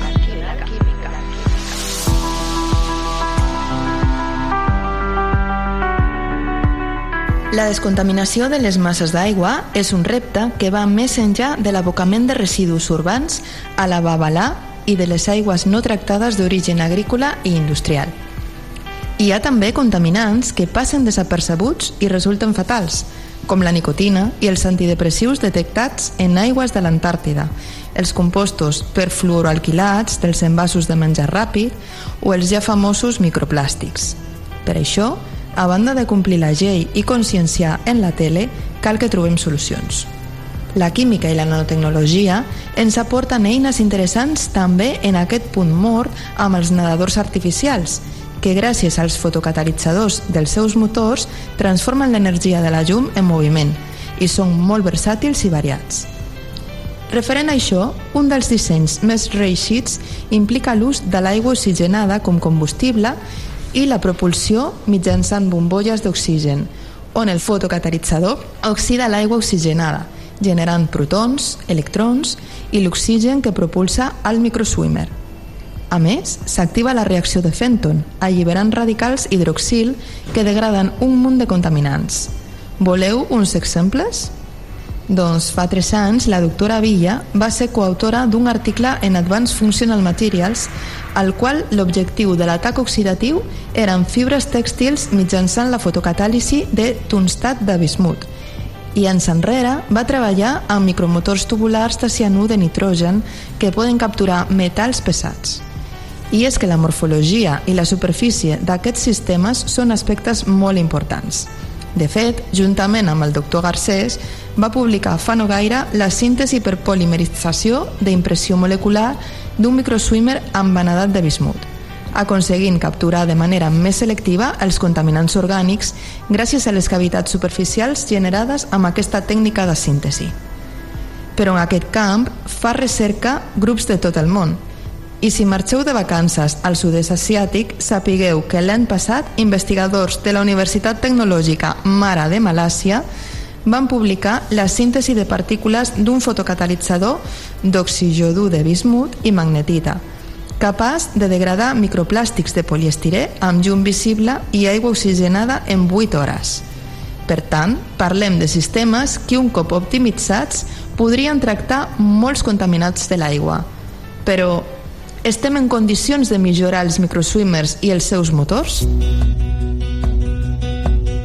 Actualmente existen diferentes tipos de micromotores, micronanomotores, eh, y cada uno tiene sus, desafíos. Entonces, eh, por ejemplo, existen los que se mueven por reacciones químicas solo o inducidos por la luz, campos magnéticos, eh, ultrasonido, pero en particular el uso de la luz es uno de los más prometedores y es en el que nosotros estamos trabajando. Todavía hay mucho que mejorar. eh, En particular, como dije antes, estos micromotores solo se mueven si se irradian con luz. El problema viene es si los micromotores se encuentran en, en un lugar o en una muestra que la luz no puede penetrar, entonces no se moverían. Entonces lo que estamos trabajando es en el desarrollo de micromotores que tienen una pequeña batería. Entonces ellos van a ser capaces de absorber esta energía lumínica, almacenarla, entonces en el momento en que la luz no, no llegue hasta donde ellos están, ellos pueden autoactivarse y, moverse por todas partes donde sea conveniente. Entonces esto abrirá campos en la biomedicina, ¿no? Porque por ejemplo la luz no puede penetrar muy profundo en algunos tejidos, pero también por ejemplo hay muchas contaminaciones bacterianas en las tuberías de los edificios, ¿no? Que causa esta salmonela o este tipo de enfermedades. Pues nosotros podríamos recargarlos y ellos podrían autónomamente ir allí, limpiar los tanques de agua y eliminar estas bacterias. Entonces, sí, el, el principal desafío es cómo eh, crear micromotores que sean más independientes, más autónomos y así eliminar esos bloqueos que tienen actualmente para llevar esta tecnología a, campos más reales. Bueno, eh, después de haber escuchado a Caterina diría que sí. Pero bueno, personalmente supongo que hablando más desde el punto de vista de, ¿no? de, de- de un científico de materiales, que bueno, me considero más de materiales que, que- químico, eh, diría que sí, que se podrían mejorar desde el punto de vista de la, de, del diseño del, del, del, del semiconductor, in- introduciendo otro tipo de elementos que permitan generar diferentes eh, performance, ¿no? diferentes comportamientos cuando, se le, cuando estos micronadadores se estimulan con, ¿no? con, con, por ejemplo, con campos magnéticos, con eh, radiofrecuencias, microondas, en fin, que uno sí desde el punto de vista químico, desde el punto de vista de la ciencia de materiales, podría llegar y modificar ¿no? la base del, del micromotor, la parte ¿no? del, material en sí, para que éste tenga una respuesta positiva a estos estímulos externos, como los que mencionó Caterina o como los que acabé de mencionar y poder tener aplicaciones en, en- en- ámbitos como, ¿no? como la medicina o, o en lugares en donde la luz no llega, ¿no? donde no hay acceso a, la luz del sol. O también, qué sé yo, generar eh, materiales que sean fotoluminiscentes, ¿no? Poner elementos que, que fotoluminescen y poder hacer un tracking, ¿no? Un seguimiento del micromotor en, al- en, en alguna situación, ¿no? Eh, en alguna aplicación que ahora no se me ocurre, pero bueno, eh, algo de este estilo. Y sí, sí, que seguro que tienen mucho campo para, para, para, para mejorarse. Y bueno, y, y un, y un ejemplo, ¿no? Es la RC que le han soportado a Caterina, que seguro que si, o sea, que es porque si, si le han soportado, ¿no? Su propuesta es porque, ¿no? Ahí la gente piensa igual que ella, hay vísperas para mejorar estos dispositivos y ir a, a mayores, ¿no? A, a mejores aplicaciones y bueno.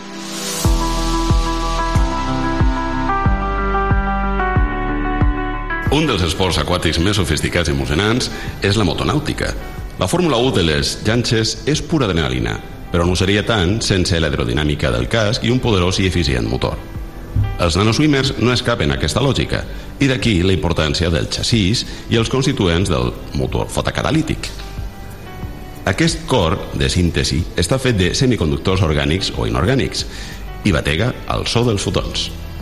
Quan el fotocatalitzador absorbeix llum, l'energia dels fotons excita els àtoms del material, de manera que s'alliberen electrons de la seva capa més externa. Els forats resultants, tot junt amb els electrons, constitueixen un sistema transportador de càrrega que es va movent d'un àtom al següent. Amb això es crea un gradient de càrrega que permet propulsar el motor de diverses maneres, com ara amb les reaccions químiques d'abans. Per a maniobrar el timó de la nau, però, cal controlar la intensitat, polarització, longitud d'ona i direcció de la llum. Pel que fa al xassís del micromotor fotocatalític, aquest pot fabricar-se de diferents formes i grandàries segons el patró de moviment desitjat. I el seu disseny ha progressat des d'aquells que tan sols funcionaven amb llum ultraviolada fins als dissenys actuals amb llum visible. Però encara podem reblar més el clau amb els dissenys biohíbrids que incorporen constituents biològics. Nanoswimmers i microreactors estan cridats a guanyar terreny en nanomedicina, amb aplicacions com l'alliberament de fàrmacs guiat amb l'ajuda de compostos magnèticament actius, com ara les nanopartícules polimèriques del ginat chitosan. També en l'àmbit de les infeccions bacterianes, de les quals un 80% estan relacionades amb els biofilms produïts pels bacteris, que són molt difícils d'eliminar sense antibiòtics. Almenys era així fins ara, perquè un recent article publicat a l'International Journal of Biological Macromolecules anuncia l'obtenció d'un microswimmer suportat sobre alginat chitosan amb incrustacions de ferrocianur de potassi, que pot canviar-ho tot, perquè aquest blavós ferrocianur també catalitza la reacció de Fenton, de manera que els radicals hidroxil eliminen el biofilm. Les aplicacions biomèdiques d'aquests aparells semblen no tenir fi i es postula el seu ús en vacunacions, microcirurgia intraocular, reproducció assistida i fins i tot en teràpia celular. Amb tot i això, per arribar a un bon port s'han de salvar esculls importants en termes de selectivitat, escalabilitat, reutilització i cost de producció. Per això ens preguntem, canviarà aquesta tecnologia les nostres vides en un futur proper? Yo diría que sí. Solo que, bueno, como dije anteriormente, no hay diferentes desafíos, pero yo creo que el campo más próximo que tendría un impacto muy grande es en biomedicina, en el cual hay otros grupos que sí que están trabajando en eso mm, bastante, ¿no? Han avanzado mucho, ya han, han puesto estos nanomotores en ratones, por ejemplo, el grupo de Samuel Sánchez en IBEC. Entonces sí que hay otros grupos que están avanzando hacia eso. Entonces yo creo que en biomedicina tendrán un impacto muy grande porque ellos van a poder, por ejemplo, moverse dentro de los eh, combustibles que ya tienes en tu, en tu cuerpo, ¿no? que son enzimas, urea, este tipo de, de compuestos orgánicos que ayudan a propulsar estos micromotores, micronanomotores. Y en el campo de la remediación medioambiental también podrían llegar a tener un impacto, solo que primero se tiene que mejorar su escalabilidad y eh, la posibilidad de recuperarlos y que se puedan reusar por mucho tiempo, porque al fin y al cabo cuando vas no en, en el campo medioambiental necesitas algo que se pueda producir en masa y estos al ser tan pequeños y al requerir de muchas técnicas especializadas para su di- diseño pues es más, más complicado. Pero lo que sí se podría hacer es, por ejemplo, en pequeñas... eh, en pequeños tanques de descontaminación sí, sé que, sí que se podrían eh, poner allí y entonces acoplarse a un tratamiento de agua como en el tertiary, bueno, en el tercer tratamiento, que es como ya el de limpiar compuestos orgánicos que no se pudieron limpiar antes por bacterias o por los compuestos que ellos usan normalmente. Sí, yo creo que esta tecnología cambiará la, ¿no? en, a un futuro, bueno, no sé si cercano, pero en un futuro, no sé cuán, en cuántos años, pero sí llegará a impactar. De hecho, ya impacta de cierta manera, no micromotores que se mueven con luz, pero sí que hay varios dispositivos que se han diseñado, ¿no? Eh, nanopartículas que tienen una respuesta a un campo magnético y bueno se han usado en algunos en algunas pruebas no en, para para eliminar cánceres entonces lo que hacen es que introducen estas nanopartículas con esas propiedades magnéticas cerca del cáncer, aplican un campo magnético oscilante y entonces la partícula empieza a vibrar y empieza de cierta forma a degradar las, estas células cancerígenas. Y bueno, esto sería una especie de, ¿no? de micromotor con otras propiedades que responde a otros estímulos, pero bueno, la, la- la parte básica del micromotor la, la tiene completamente. Y ejemplos como este, seguro que hay un montón, ¿no? Hay, hay, hay diversos ejemplos de este estilo. Y bueno, si ya, si ya estamos siendo impactados ahora, ¿no? En, a este, a esa- en estos a esta, a esta altura de, ¿no? de, la, de la historia de, de los micromotores, pues seguro que en un futuro más, más, más lejano se, se, podrán observar otro tipo de beneficios ¿no? en todos los ámbitos que, que mencionó Caterina y que hemos estado charlando eh, a lo largo de esta, de esta mañana. Sí, la, la, la, la química que desarrollamos nosotros, bueno, personalmente lo que hago yo en el laboratorio sí que tiene un impacto bastante alto en, el, ¿no? en, en la comunidad. Eh, pues lo que trabajamos ¿no? con la generación de nuevas formas de energías, eh, salvando, ¿no? tratando de guardar la energía solar o la energía eólica, transformándola en nuevos combustibles, ¿no? combustibles de, amigables con el ambiente, tratando de mitigar todo el problema de, de- los niveles de CO2 que tenemos en la atmósfera. Entonces sí que es verdad que, o sea, los procesos que desarrollamos en el laboratorio están impactando e impactarán a, a- a futuro. La idea es tratar de eliminar todo, ¿no? todas las fuentes de combustibles a base de fósiles y las alternativas que planteamos nosotros en el laboratorio no generar hidrógeno verde, ¿no? que esa es una de las especialidades del grupo en el que yo trabajo. Y bueno, a largo plazo seguro que se logrará y, y bueno, que ya, ya se ven, ya se ven vestigios de que esto va, va yendo por un buen camino y, y esto se nota ¿no? en la atención de, de los gobiernos, de, ¿no? de todas las políticas verdes que están ahora impartiendo. Entonces yo creo que se empieza por algo y ya se está empezando. Esta línea de investigación ha, tenido un, gran impacto en mi carrera, ¿no? Eh, esto fue durante mi, segundo postdoc que eh, supe de, de los micronanomotores en Barcelona. Allí, eh, ¿no? Me hicieron el training para, para saber cómo diseñarlos, cómo utilizarlos eh, especialmente para mm, descontaminación ambiental, solo que en ese caso era solo catalíticos, no era con, con el uso de la luz. Entonces luego cuando yo me fui a Praga pude desarrollar esta línea como propia, ¿no? más independiente, combinando mi- mis conocimientos previos en fotocatálisis. Entonces allí empecé a, a desarrollar micromotores fotocatalíticos para eh, eliminar estos diferentes tipos de contaminantes.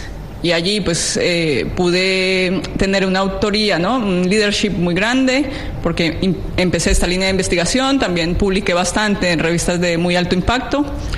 Y bueno, ya cuando volví a ISIC, eh, gracias al perfil que tenía, me dieron la, la Caixa Junior Leader y luego el año pasado eh, la Ramón y Cajal y la IRC Starting Grant, que como mencioné anteriormente, este proyecto europeo, estamos desarrollando este tipo de nanomotores que absorben luz, pero que la pueden al- almacenar para poder eh, eh, llevar estos nanomotores a un campo más real. Este proyecto europeo, ERC o ERC en español, eh, es un proyecto que tiene diferentes catego- categorías. En mi caso fue la Starting Grant, ¿no? porque estoy todavía empezando. Y es por un monto de un millón y medio por cinco años. Entonces esto me ha permitido empezar a eh, montar mi grupo. Ya hem- hemos ido contratando gente. Ahora somos alrededor de seis personas que ya estamos trabajando en ello. Y también eh, tenemos mucho dinero para poder invertir en esta tecnología. Entonces yo creo que de aquí a tres años ya habremos avanzado bastante en esta dirección. No necesariamente uno tiene que, cuando habla de micromotores, no es que micromotor sea un ente allí extraño y que solo haya una persona que sepa de micromotores porque ha trabajado en micromotores. No, los micromotores es, una, es un tema muy amplio, o sea, son los, los materiales que, con los cuales se construyen estos, estos micromotores, ¿no? que es el nombre que se le ha dado. O sea, yo, por ejemplo, en mi formación, cuando hice el doctorado, yo trabajé en semiconductores, ¿sí? Y los semiconductores son, son los materiales principales de estos dispositivos que se mueven o por luz o por campos magnéticos o haciendo reacciones eh, de oxidación o degradación en, en- algún medio. Y sí, eh, en mi carrera esto impactó brutalmente porque, o sea, los semiconductores también los usamos para otros, para otros, para otras aplicaciones, sí. En, el, en el caso mío, en particular, yo hago hidrógeno verde y usamos una amplia gama de semiconductores que tienen diferentes propiedades, eh, se construyen con diferentes materia, con diferentes elementos de la tabla periódica y los aplicamos para hacer hidrógeno. Eh, por ejemplo, Caterine usa, puede usar semiconductores similares para que, para que hagan una reacción electroquímica, una reacción fotoquímica, ¿sí? Y produzcan un- un- un producto en particular pero el- la, la química del material es la misma, o sea, yo lo puedo usar en diferentes ámbitos, puedo sacarle ventaja a un semiconductor en diferentes aplicaciones, como lo puedo usar para generar hidrógeno verde, lo puedo usar para, para hacer antenas de alta frecuencia, Eh, o sea que eh, son materiales que tienen una, por sus características físicas y químicas, son aptos para cualquier tipo de aplicación. Y sí, esto impactó en, mi vida, eh, profesionalmente hablando, porque gracias a eso tuve las herramientas para llevar a cabo otros procesos eh, en el grupo de José Ramón o, por ejemplo, en las colaboraciones que hemos tenido con Caterine, eh, donde complementamos los estudios que ellos hacen de degradación y movimientos de los micromotores. Nosotros, como sabemos algo de electroquímica, pues colaboramos en esta, en esta vía. Así que sí, sí, en, en términos generales, eh, esta área, yo la llamaría, esto el área de los semiconductores sí que ha impactado a mi- en, en mi vida profesional y académica. Blau de Prússia, el color dels incondicionals de la química. Avui ens hem donat un bany de realitat. Prenent consciència que necessitem solucions per descontaminar les nostres aigües. La llum del sol és una font d'energia inesgotable i sostenible. I hem après que gràcies a la recerca química i els avenços de la nanotecnologia, a més, podem fer-la servir per degradar els contaminants de l'aigua. Ara sabem que els microswimmers i els motors fotocatalítics tenen aplicació també en camps com la microfluídica i la biomedicina, i tard o d'hora sentirem parlar també d'ells eh, com els banyistes estiuencs. Marxem, però tornarem d'aquí dues setmanes amb més temes interessants, com sempre, del món de la química. Aquest podcast l'han fet possible Laura Hernández i Rel Macho per part de l'ICIC, Lluís Comas a la part tècnica, Andrés Tejedera a la realització audiovisual i qui us ha parlat, Josep Sunyer, per part de Tarragona Ràdio.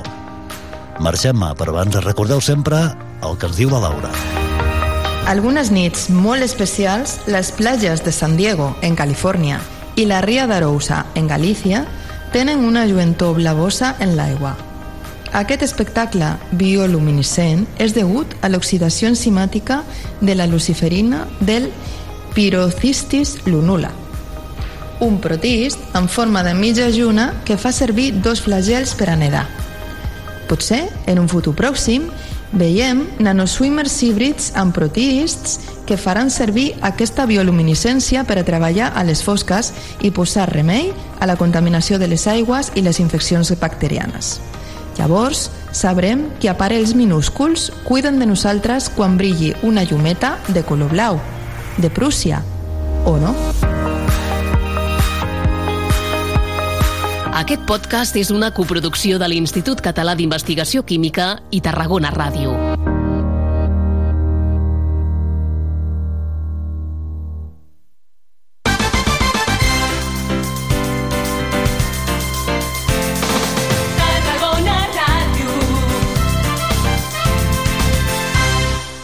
Ull de Costa, la Rambla de la Cultura a la vora del mar. Vine i passeja per l'eix de la cultura, del lleure i de l'esport al Port de Tarragona. Hi trobaràs museus, exposicions, teatre, activitats, espais per passejar i fer esport. Completa la teva visita amb un tas de la gastronomia marinera del Serrallo. Més informació a porttarragona.cat. No t'amoïnis més. Sigues feliç. A Tarragona, aparca el teu cotxe als pàrquings municipals i gaudeix de la ciutat per menys de 5 euros de màxim diari. No hi donis més voltes. Busca el teu pàrquing més proper al web aparcamentstgn.com i be happy. Una alimentació sana, exercici físic i una bona assegurança mèdica.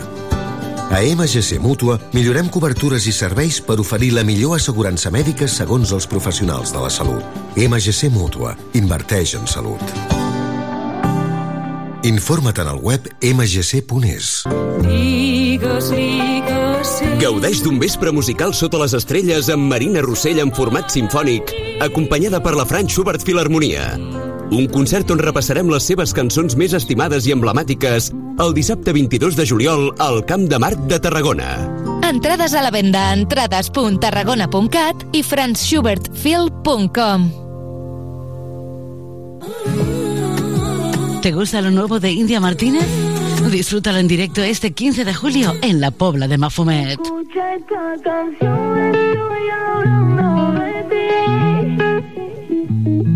Compra tu entrada por solo 20 euros en poblamafumet.covin.cat.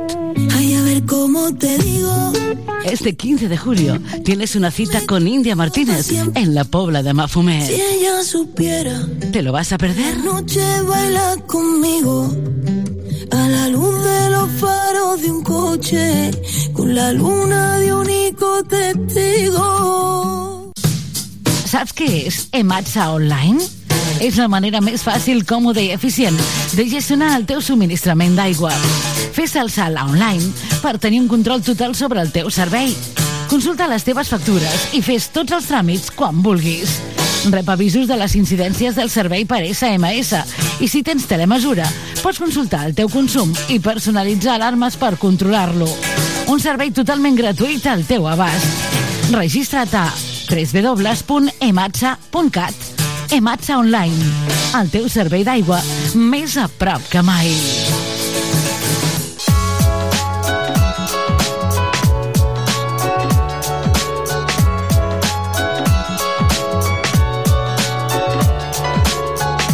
Continguts fresquets del dia i entrevistes quilòmetre zero a Mercat d'Estiu, a Tarragona Ràdio.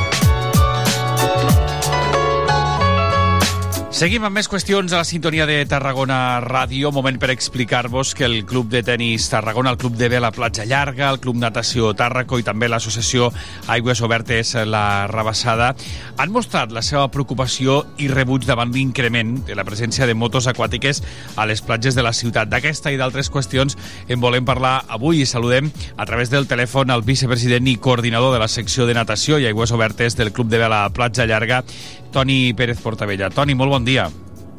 Molt bon dia. Molt Moltíssimes bon dia. gràcies per atendre'ns sobretot perquè, perquè vas en ruta. T'agraïm doncs, això que, que ens atenguis també a aquesta estoneta a la ràdio.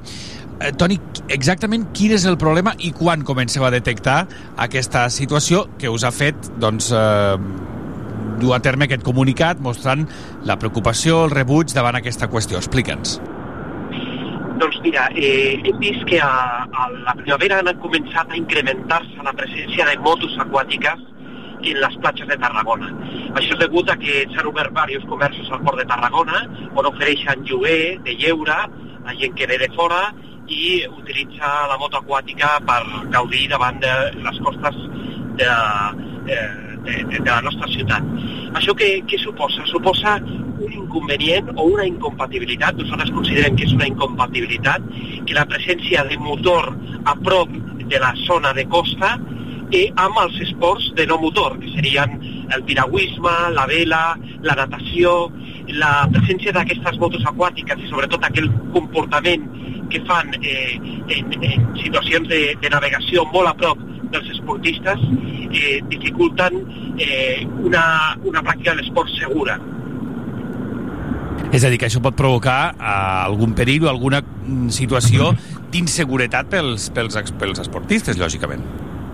Evidentment, eh, per exemple, els nedadors, eh, tot i que anem amb boies i anem amb una equipació per ser visibles, amb una moto aquàtica que va a gran velocitat, eh, pot haver, o, eh, hi ha un alt risc de, eh, de trobar-nos amb aquesta moto aquàtica i que pugui existir un atropellament com hi ha hagut en altres localitats, no? que la presència de motos aquàtiques poden produir accidents i no poden garantir la seguretat dels esportistes. Ah, Toni, i la pregunta és si això hauria d'estar o està regulat, perquè clar, estem parlant en alguns casos, pel que dieu, de conducció temerària d'algunes embarcacions de motor que sovint s'apropen o fins i tot traspassen aquestes boies grogues, aquesta línia de boies grogues.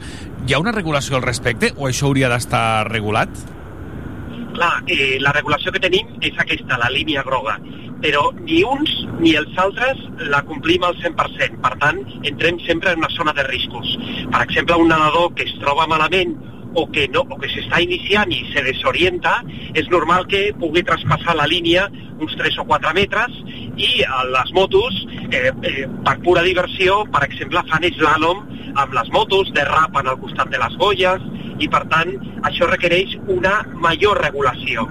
Una regulació que altres municipis, per exemple, col·loquen un altre circuit a 300 metres eh, per les motos o fan uns carrils de natació que estiguin per, eh, més a prop de la costa eh, pels nedadors. O sigui, hi ha solucions i s'ha de regular molt més perquè la regulació actual produeix situacions de risc. Mm -hmm.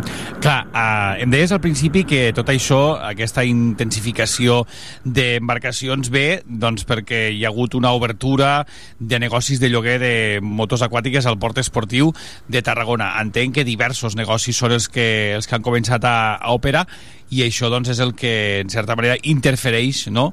la, és a dir, la, la, la vostra pràctica amb, amb tranquil·litat i sense riscos. Eh, Exacte. Nosaltres, a més, no volem un model com, com el de la Causta Daurada de Salou, Cambrils, on hi ha molta presència de motor. Jo crec que la ciutat de Tarragona es mereix eh, un, una cura molt especial mediambiental en, la, en apartar el motor, perquè precisament els valors formatius que donem a les escoles de Tarragona, de, de cura del mar, eh, de respecte al medi ambient, la presència massiva de motos aquàtiques un cap de setmana no ha ajudat de cap manera a, aquesta imatge que, que a més és incompatible, torno a dir, amb l'esport no motor. Ja, abans hem parlat de les línies de boia, Sí. però hem de pensar que hi ha altres eh, esports com el piragüisme, els caiacs o la vela, que per exemple en el club de vela fem molts casals per nois, per gent jove, que ja traspassen, perquè són esports que ja estan més endins i la presència de motos aquàtiques jugant, derrapant, eh, fent un oci que no, eh, no ajuda a una pràctica natural de l'esport, perjudica seriosament aquest tipus d'esports, no? entenc que de moment no s'ha produït almenys a, al nostre territori, és a dir, a, casa nostra aquí a Tarragona i esperem que, que no s'hagi de lamentar cap accident greu, però sí que denuncieu comportaments eh, incívics, parleu de persones, eh, quatre persones damunt una moto, jugar a fer volcar un grup d'alumnes que anaven en caiac davant del club de vela o, o realitzar slàloms, com deies, a les, vole, a les boies de, d'avalisament, clar, són, són comportaments que tenen un perill, que són, que són greus. Exacte, nosaltres hem ficat aquests exemples, també hem parlat, a, per exemple, a la Guàrdia Civil del Mar, que és la responsable de, de seguretat, i ens demanen proves, ens demanen que enregistrem, estem enregistrant tot el que podem, per exemple, motos a grandíssima velocitat just al costat de, de les boies, o situacions de, de, denunciables, no? perquè no poden pujar quatre persones en aquest tipus d'embarcacions. Eh, hauríem de mirar qui està portant la moto, si té la titulació adequada, eh, si hi ha guies, caso, que, com diu la llei, no? que si va ser moto aquàtica sense llicència, has d'anar acompanyat a, amb guies que ajudin a, a, a protegir a, a, a l'entorn i, i que facin cura de, de la navegació en aquell moment. No? A, a qui reclameu aquestes solucions? És a dir aquesta regulació a, a l'Ajuntament, a, a, a d'altres autoritats, qui, qui ha de posar fil a l'agulla perquè això doncs es pugui conviure o, o, o es trobi aquesta solució perquè de fet el que, el que demaneu també és eh, una ciutat o almenys aposteu per aquest model de ciutat com a destí turístic esportiu però lliure de motors al mar Clar, clar. Eh, mira, nosaltres estem parlant sobretot amb l'Ajuntament i la veritat és que l'Ajuntament ens ha rebut eh, molt bé, eh, està analitzant el problema i estem en una fase de eh, no? Eh, no? No han pres cap decisió, però sí que us podem dir que ens han escoltat. També amb altres grups eh, eh, polítics hem, hem traslladat el problema perquè volem fer pressió. Ara que comença l'estiu, creiem que aquest tema s'ha de tractar eh, i eh, prendre solucions, no? eh, que, que, que reguli eh, de manera més accentuada en la nostra ciutat perquè, perquè és necessari, no? I que, que una platja, per exemple, la nostra, la platja llarga, que hem treballat tant a nivell medioambiental, que estem cuidant-la molt eh, a nivell de dunes, a nivell de respecte eh, de, de la platja, que és un punt de calent del canvi climàtic, no pot ser que hi hagi eh, motos aquàtiques eh, distorsionant el so acústic, no? problemes de contaminació acústica o problemes de seguretat com els que estem vivint. Mm. Uh, ten, tindreu o heu tingut ja alguna reunió amb l'Ajuntament perquè us dongui ja una solució a curt o mig termini? Quin és el compromís en aquest sentit? Sí, eh, que a curt termini eh, eh, volen analitzar-ho també a nivell eh, legal, o sigui, totes les possibilitats normatives per trobar solucions.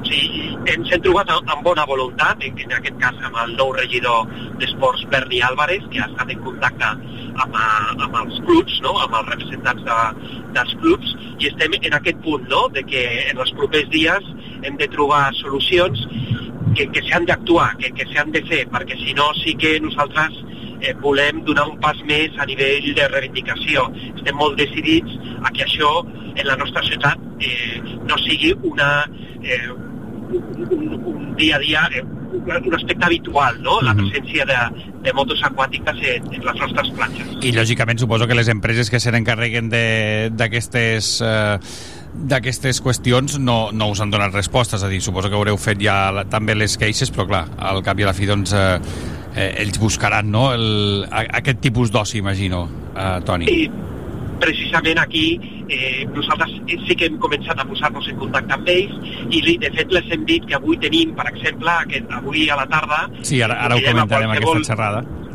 Eh, eh, les hem convidat a que vinguin, no? perquè hi ha la presència de, de la Guàrdia Civil del Mar, que són l'autoritat eh, que pot eh, fer denúncies no? i pot penalitzar determinades actuacions, eh, les hem convidat a, a participar i analitzar plegats eh, alternatives i solucions per eh, poder garantir la seguretat de tots els esportistes. Mm.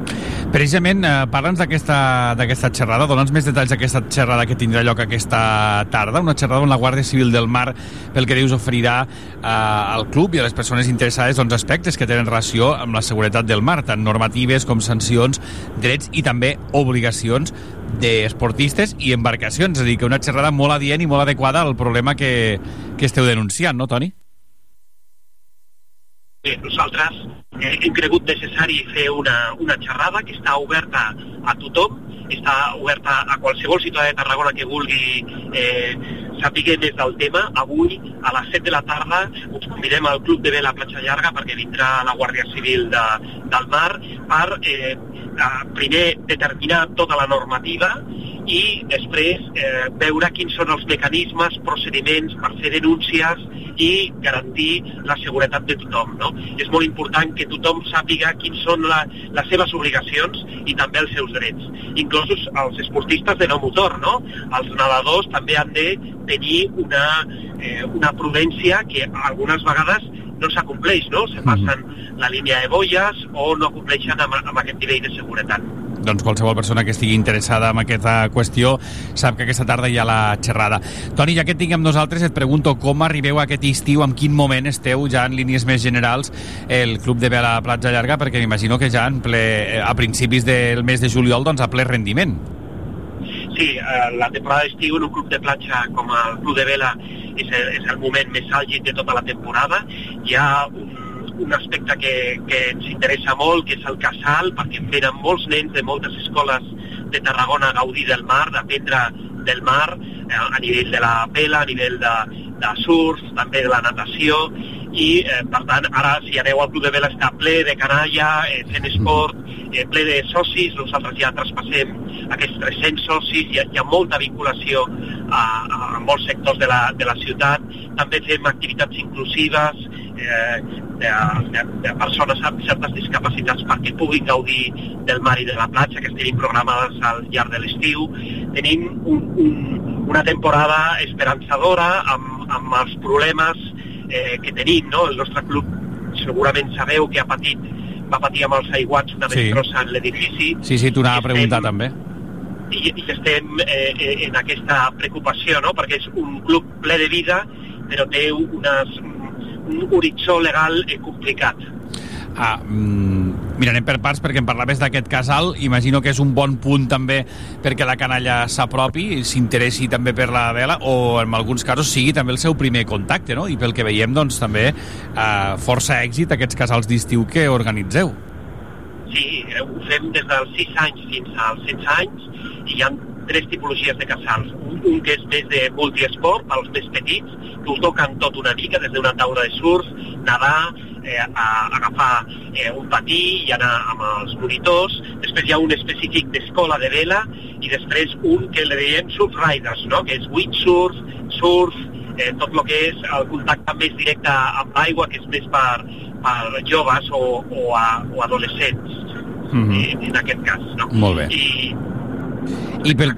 No, no, no, i anava a preguntar-te també ara pel que em deies, eh, recordem als nostres oients que el Club de Vela Platja Llarga era un dels eh, equipaments afectats per les pluges, per aquelles pluges torrencials del dia de Santa Tecla que, que tothom recordarà. Mm, com està aquesta situació? Perquè tenim aquest magatzem del Club de Vela Platja Llarga que mesos després encara no s'ha pogut eh, reconstruir, no? Evidentment perquè la, la llei, la llei de costes, prohibeix qualsevol reparació d'un edifici o la rehabilitació d'un edifici que estigui a, a, a uns metres determinats del mar. Per tant, tenim un, un bloqueig legal per rehabilitar aquesta part de l'edifici que, a més, pertany a la Generalitat. O sigui, la Generalitat eh, fa la concessió a la Federació Catalana de Vela i ell i la, la Federació a nosaltres i hi ha aquest bloqueig. O sigui, la propietat és de la Generalitat, però que no, eh, que no deixa rehabilitat perquè Costas li diu que no pot rehabilitar. Entonces, per tant, Clar. estem en en un horitzó que hem de prendre unes decisions a nivell d'institucions per eh, poder tornar a fer viure al club no? i que pugui treballar projectes a llarg termini. És a dir, que entenc que és una qüestió entre la Federació Catalana de, de, de Vela, no? en aquest cas eh, qüestió de la Generalitat, i després eh, la Direcció General de Costes i, i del Mar, no? qui, qui, qui també s'han d'aclarir, s'han de posar d'acord perquè això es pugui desencallar. Suposo que aneu mantenint contacte també amb, amb ells, no sé què, què us diuen o si la cosa doncs, està ara mateix eh, eh, bloquejada o com es troba. eh, es troba eh, bloquejada i estem esperant aquesta solució, aquesta eh, determinació de com, com podem millorar. Per exemple, pot ser que tinguem que derruir tota la, eh, la part davantera de, del club de vela, això podria ser una decisió, però clar, afecta moltíssim a tot el projecte esportiu, s'han de posar d'acord ah, també amb la Generalitat, no? que és la propietària de, de, tota aquesta, de tot aquest terreny, i, i per tant hi ha aquest bloqueig no? de derrumbar, no derrumbar, eh, decidir eh, quin tipus de continuïtat es vol donar, si es vol continuar la concessió a la Federació Catalana de Vela o directament al club. El que està clar és que hi ha un bloqueig institucional que no permet que un club que tingui que, que té moltíssima vida, que a més ja no és de vela, sinó és de múltiples esports, perquè estem en quatre federacions, que és la, la de natació, la de piragüisme, la de salvament, la de vela, eh, eh, eh, no podem continuar, no, no podem progressar en aquest projecte que la, que la ciutat demana i que la ciutadania eh, requereix no? perquè Tarragona tingui un club de platja a nivell esportiu de, de, de alt nivell, no? com, com és ara. dues situacions ben diferenciades les que ens han portat amb aquesta conversa. Em parlaves abans que si la cosa no millora pel que fa doncs, a el, el que parlàvem primer, eh, la situació de, de les motos eh, d'aigua, els esportistes, etc etc, es podrien dur a terme més reivindicacions. No sé si a això li sumareu també les reivindicacions per desencallar aquesta situació i què podria, què podria passar si us proposeu o si preveieu algun tipus de reivindicació, mobilització més visible, etc etc. Sí, evidentment hem pensat des de manifestacions al mar, no? Eh, fer una, una marxa de protesta al mar, però no únicament nedadors, també eh, kayaquistes, gent amb sub, eh, gent amb vela, eh, que puguem fer aquesta reivindicació de ciutat lliure de motor al mar. Eh, tenim ja plantejades diverses reivindicacions si l'Ajuntament no ofereix alternatives.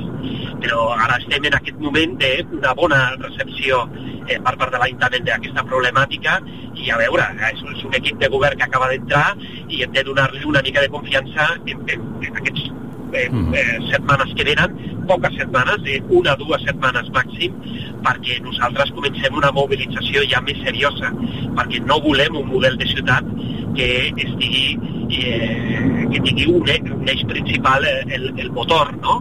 No volem aquest tipus de turisme i eh, reivindiquem una, una ciutat amb, amb, un- amb una cura mediambiental eh, d'alt nivell, no? com hauria de ser Tarragona.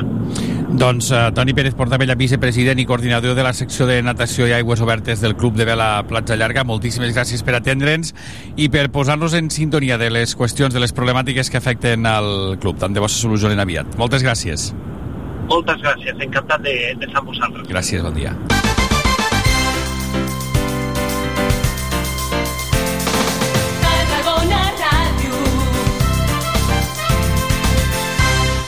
Moll de Costa, la Rambla de la Cultura a la vora del mar. Vine i passeja per l'eix de la cultura, del lleure i de l'esport al Port de Tarragona. Hi trobaràs museus, exposicions, teatre, activitats, espais per passejar i fer esport. Completa la teva visita amb un tas de la gastronomia marinera del Serrallo. Més informació a porttarragona.cat. No t'amoïnis més, sigues feliç. A Tarragona, aparca el teu cotxe als pàrquings municipals i gaudeix de la ciutat per menys de 5 euros de màxim diari. No hi donis més voltes. Busca el teu pàrquing més proper al web aparcamentstgn.com i be happy. Una alimentació sana, exercici físic i una bona assegurança mèdica. A MGC Mútua millorem cobertures i serveis per oferir la millor assegurança mèdica segons els professionals de la salut. MGC Mútua. Inverteix en salut. Informa't en el web mgc.es.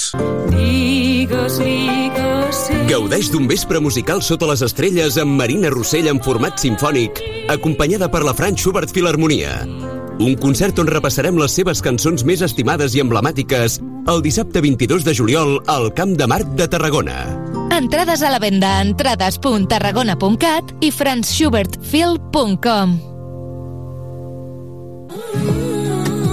¿Te gusta lo nuevo de India Martínez? Disfrútalo en directo este 15 de julio en la Pobla de Mafumet. Escucha esta canción, estoy hablando de ti. Compra tu entrada por solo 20 euros en poblamafumet.covin.cat. Ay, a ver cómo te digo. Este 15 de julio tienes una cita con India Martínez en la Pobla de Si Mafumet. ella supiera, ¿Te lo vas a perder? noche baila conmigo.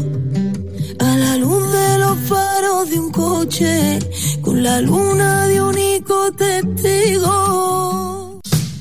Saps què és Ematsa Online? És la manera més fàcil, còmoda i eficient de gestionar el teu subministrament d'aigua. Fes el salt online per tenir un control total sobre el teu servei.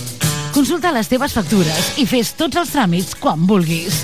Rep avisos de les incidències del servei per SMS i si tens telemesura, pots consultar el teu consum i personalitzar alarmes per controlar-lo.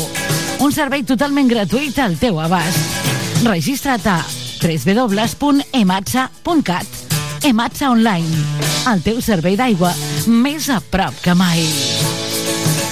Cocodril Club. Si t'agrada la bona música dels anys 60, 70 i 80, escolta Tarragona Ràdio les tardes de dissabtes i les de diumenges de 4 a 6. És el temps del Cocodril Club. Tot un clàssic de la ràdio, amb les bases del pop-rock, les llegendes, les cançons que s'han convertit en autèntics himnes. Recorda't, a Tarragona Ràdio 96.7 FM... Cocodril Club, el programa revival de l'Albert Malla.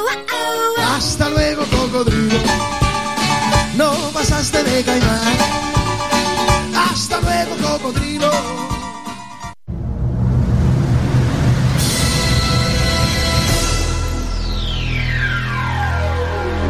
Cada dissabte a les 10 de la nit...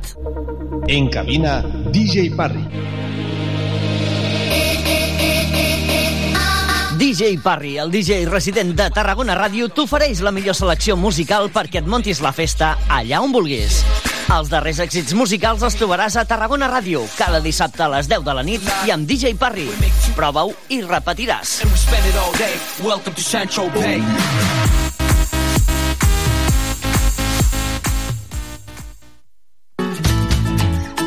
Fans de Tarragona. Amb Sílvia Garcia, de 6 a 7 de la tarda. De dilluns a divendres, una hora per la música de casa. Fans de Tarragona a Tarragona Ràdio.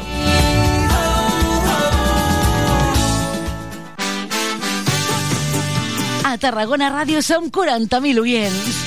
Anunciat a la ràdio local líder en l'actualitat, entreteniment i informació tarragonina. Contacta amb nosaltres al 977 24 53 64 de 9 a 2 al migdia o escriu-nos a publicitat arroba emmct.cat perquè a Tarragona Ràdio t'escoltem.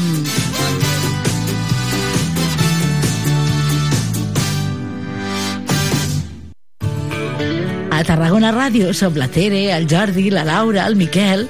Bé, ja ho saps, ja ens coneixes. Però ara hem descobert que a Tarragona Ràdio també hi ha el Pau, la Dora, la Laia, la Leix, l'Andreu, la Pili, l'Ester, l'Emma, Dan... 40.000 oients ens escolten cada mes. 31.000 descàrregues de podcast. 7.700 oients cada dia. 11% de share a la ciutat. 29.000 seguidors a les xarxes. 97.000 hores d'escolta en streaming. 6 a cada 10 tarragonins us informeu amb nosaltres. La Maria Dolors, la Montse... Buah, quanta gent! A Tarragona Ràdio som 40.000. Gràcies per ser-hi.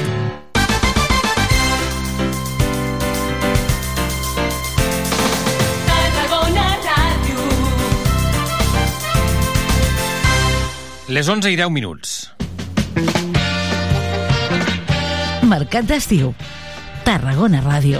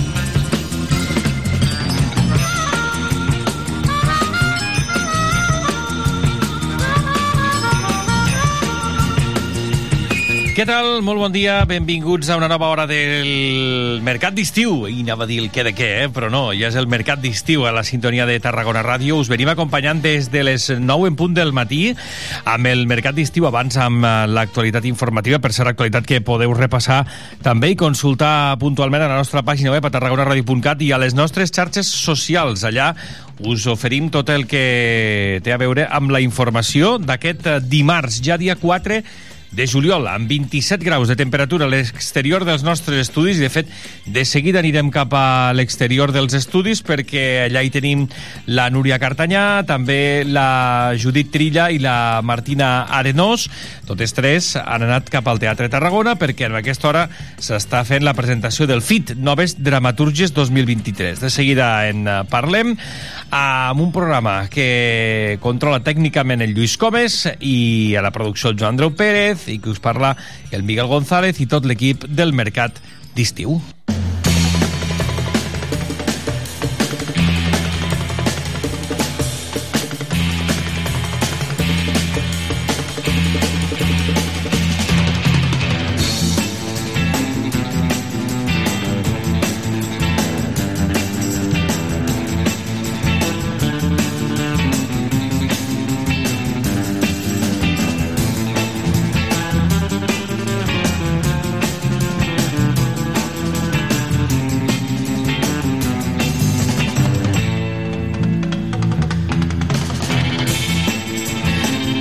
Doncs anem cap a l'exterior perquè ens ajudarà a fer sumari la companya Núria Cartanyà, que està al Teatre Tarragona. Núria, bon dia.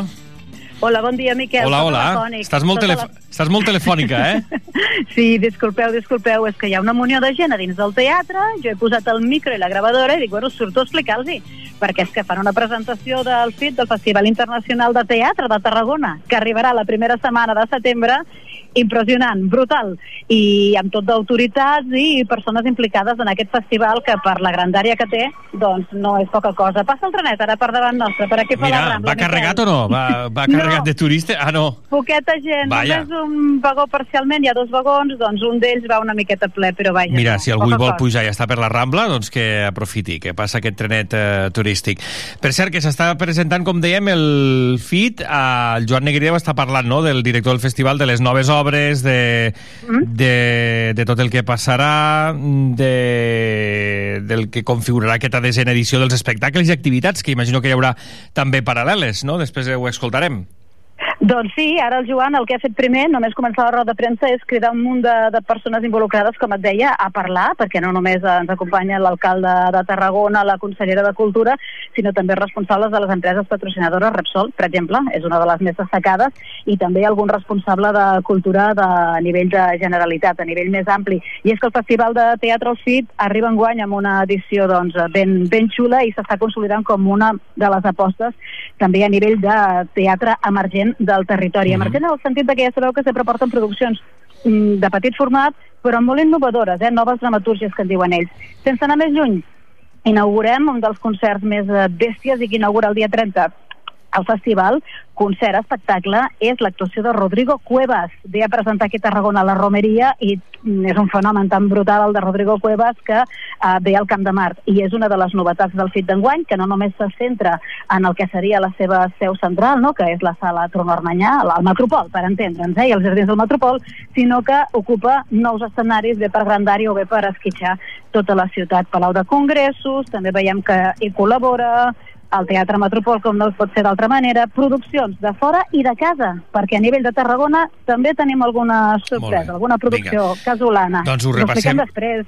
Sí, sí, anava a dir que ho repassem després, si vols, uh, perquè escoltarem el que ha donat de sí aquesta, aquesta roda de premsa. Per cert, que tenim temps també amb tu la Martina Arenós i la Judit Trilla, no? Les tinc aquí amb mi. Molt bé. Judit Trilla, demanat que vinguessin, sí, sí. Judit, bon dia. Bon dia. Què tal? Bé, bé. Esteu aquí a, a les portes del Teatre Tarragona, no? Sí, exacte. Fantàstic. La Judit Trilla i la Martina Arenós que ens acompanyen també aquest estiu com a estudiants en pràctiques del mercat d'estiu del programa. Uh, La idea, Miquel, la idea, Miquel, és que la Judit eh, t'ajudi a fer les, Val, les efemèrides, correcte. Sí, sí, correcte, sí. correcte. Doncs ara, ara ho farem. I a banda d'això, del FIT, també ara de seguida rebrem Lola Simón, que ja la tenim aquí preparada. De què parleu, de què parleu? Avui parlem de tomàquets, diria, no? Sí. Molt bé, molt bé. Doncs ara, ara en parlarem amb ella i després parlarem també de l'Estàrraco Manga, que arriba el primer cap de setmana d'octubre, haurem d'esperar encara fins l'octubre, però ja es poden adquirir les entrades, a més, amb preus més reduïdets. O sigui que uh, també en parlarem amb, amb un dels seus organitzadors. Avui és dimarts 4 de juliol.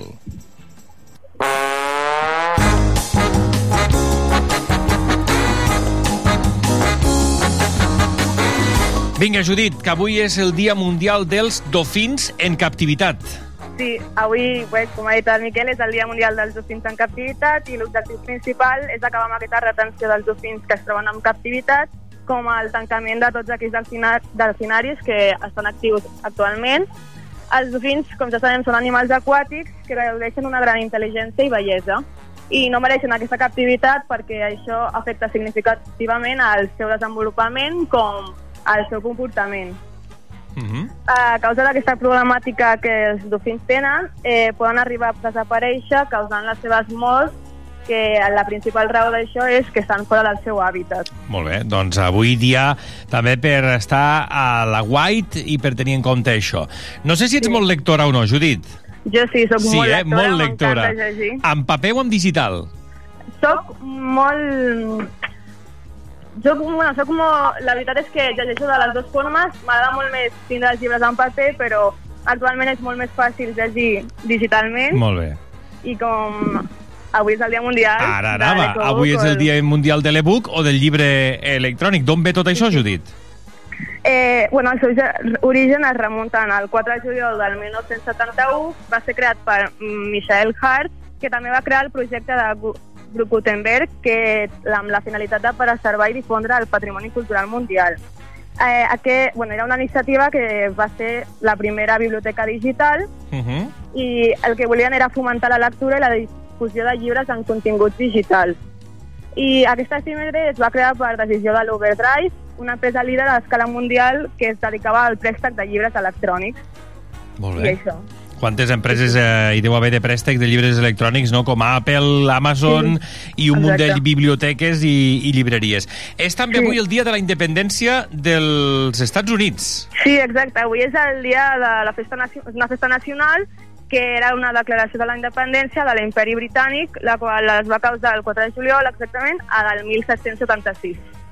Fantàstic. Sí. Uh, repassem, si et sembla, Judit, també uh, aquests esdeveniments. Què passava tal dia com avui del 1960, de fa 63 anys? Sí, es va afegir la cinquantena estrella de la bandera estanudinenca que representava el nou estat de Hawaii. I el 1991 què passava a Colòmbia? Eh, va haver una nova Constitució creada per l'Assemblea Nacional Constituent. No fa tant, el 2012, és a dir, això fa 11 anys només, Es va descobrir una nova partícula subatòmica que confirmava amb més d'un 99,99% la prob- probabilitat de l'existència del bosó de Higgs. el bosso de Higgs, que de fet va ser un revulsiu. I avui fan anys un actor uh, que de fet en deu fer 40, Sí, el Miguel Ángel Muñoz. el MAM, no? Miguel Ángel Muñoz, Sí. que l'hem vist en diverses sèries. I uns quants més, al 1938 neixia El, Will, el Bill Withers, que és un cantant estatunidenc, que està conegut per col·laborar a la cançó de Just, Just the Two of Us. Molt bé, doncs uh, això passava al 1938 amb aquest cantant a Amèrica. Avui també fa anys uh, que algú publicava un disc, Judit, Sí, avui es va publicar el disc American Gothic de David Ackles. l'any 1972. Doncs Judit Trilla, moltíssimes gràcies. A tu. Ara ens escoltem després. Núria, uh, li posem música també al matí, si et sembla, i després seguim amb la roda de premsa del FIT. Doncs sí, des del Teatre Tarragona us ho explicarem tot i de moment preparats per menjar tomàquet, Miquel. Vinga, doncs menjarem tomàquet i recordarem, repassarem, seguim repassant cançons que van ser números 1 l'any 1993.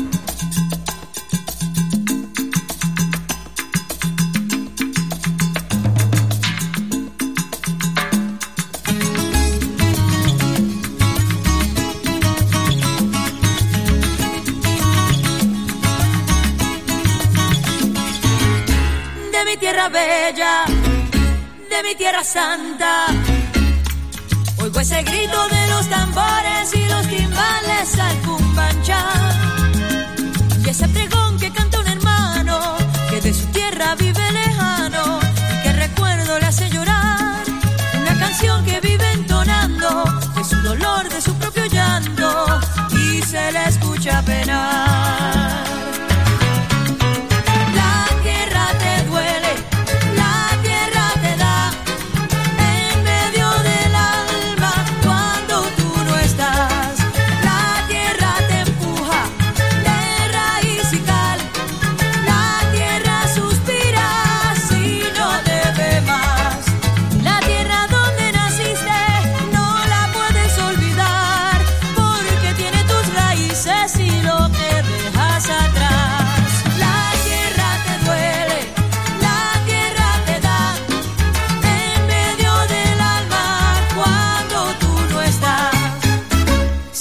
Los pregones, la melancolía.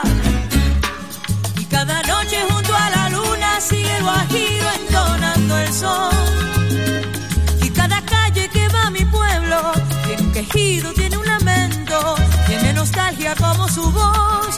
Esa canción que sigue entonando, corre la sangre y sigue llegando con más fuerza el corazón.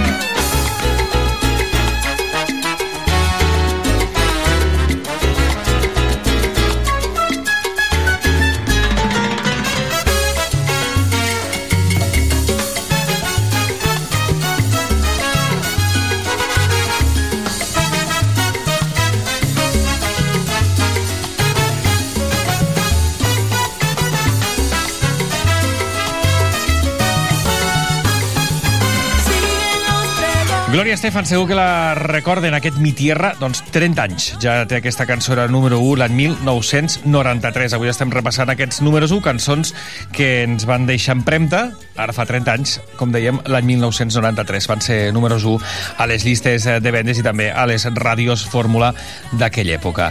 Deixem la música i parlem de tomàquets.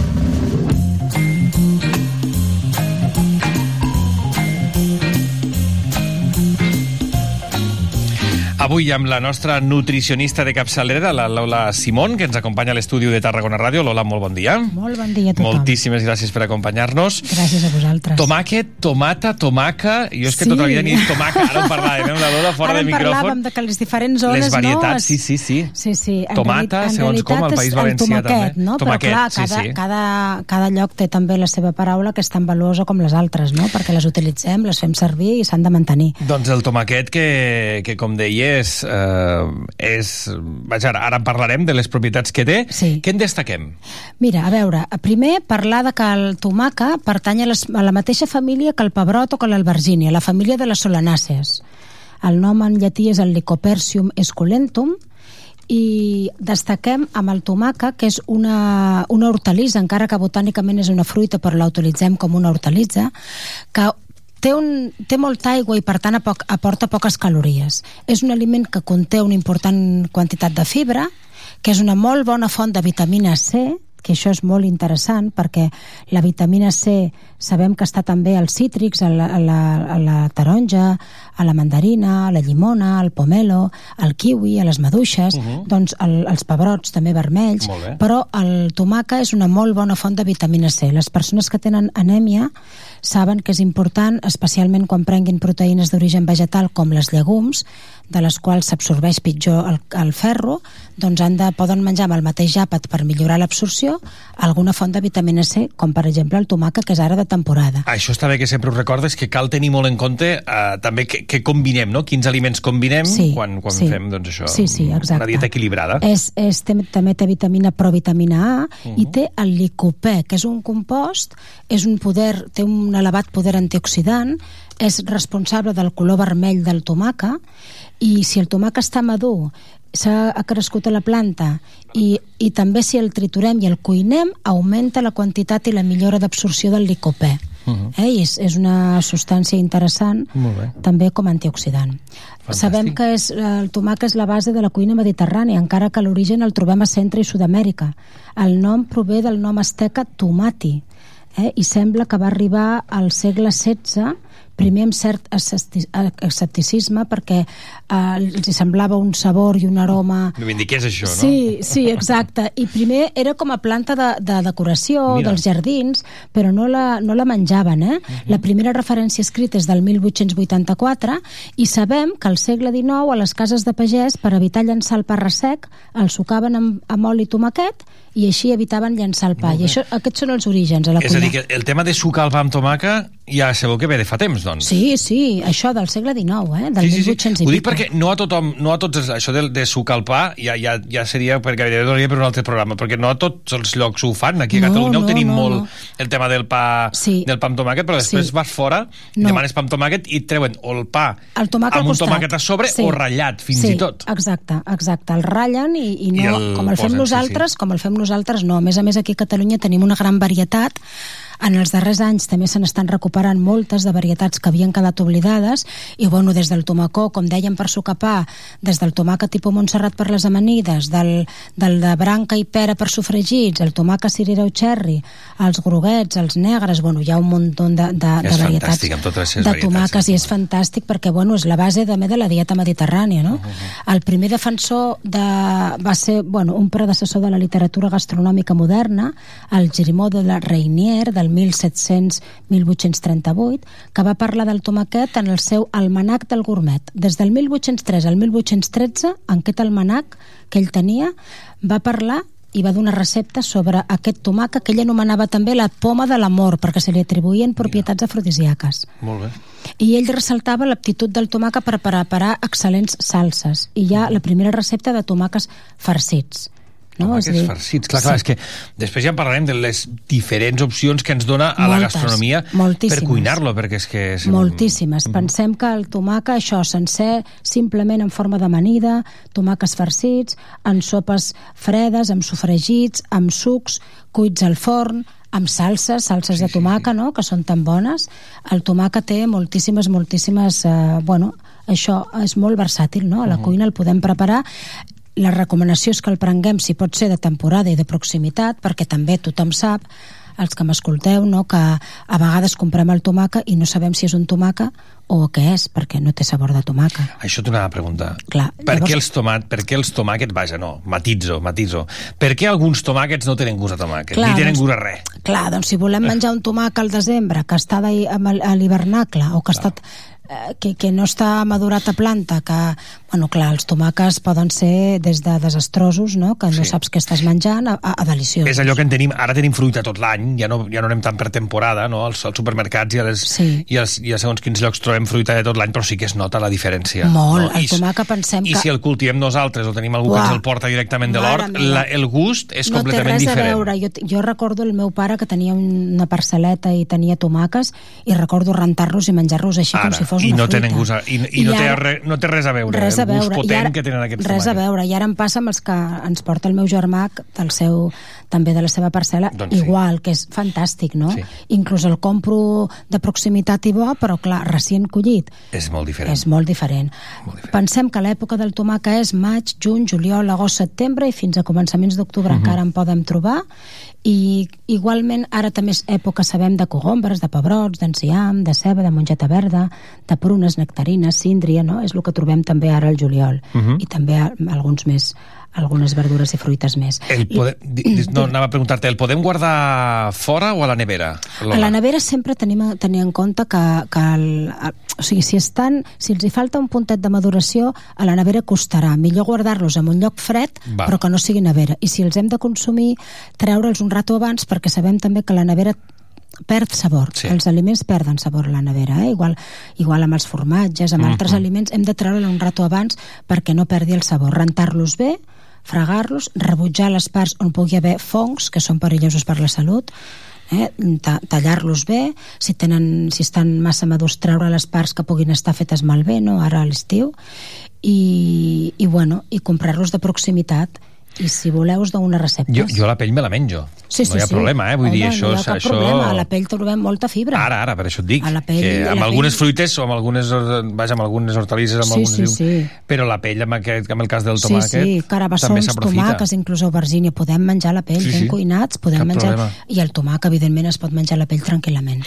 Ara anem a la recepta, però deixa'm preguntar-te abans que, clar, parlàvem de les diferents maneres de prendre el, tomàquet fresc, suc de tomata, uh, i aquí aposta pels tomàquets secs, també, per exemple, o, o, o els deshidraten, no? El tomàquet sec, exacte, exacte, és un producte que no fa molts anys que coneixem, no? Mm. I que secs donen també molt de sabor. A vegades en moltes receptes es posa el tomàquet sec perquè té un sabor molt intens. Ha perdut l'aigua i està més concentrat amb tot. I les salses sempre millor preparar-les nosaltres. Sí, si No? podem. Ho dic si perquè podem. també hi ha molta, Sí.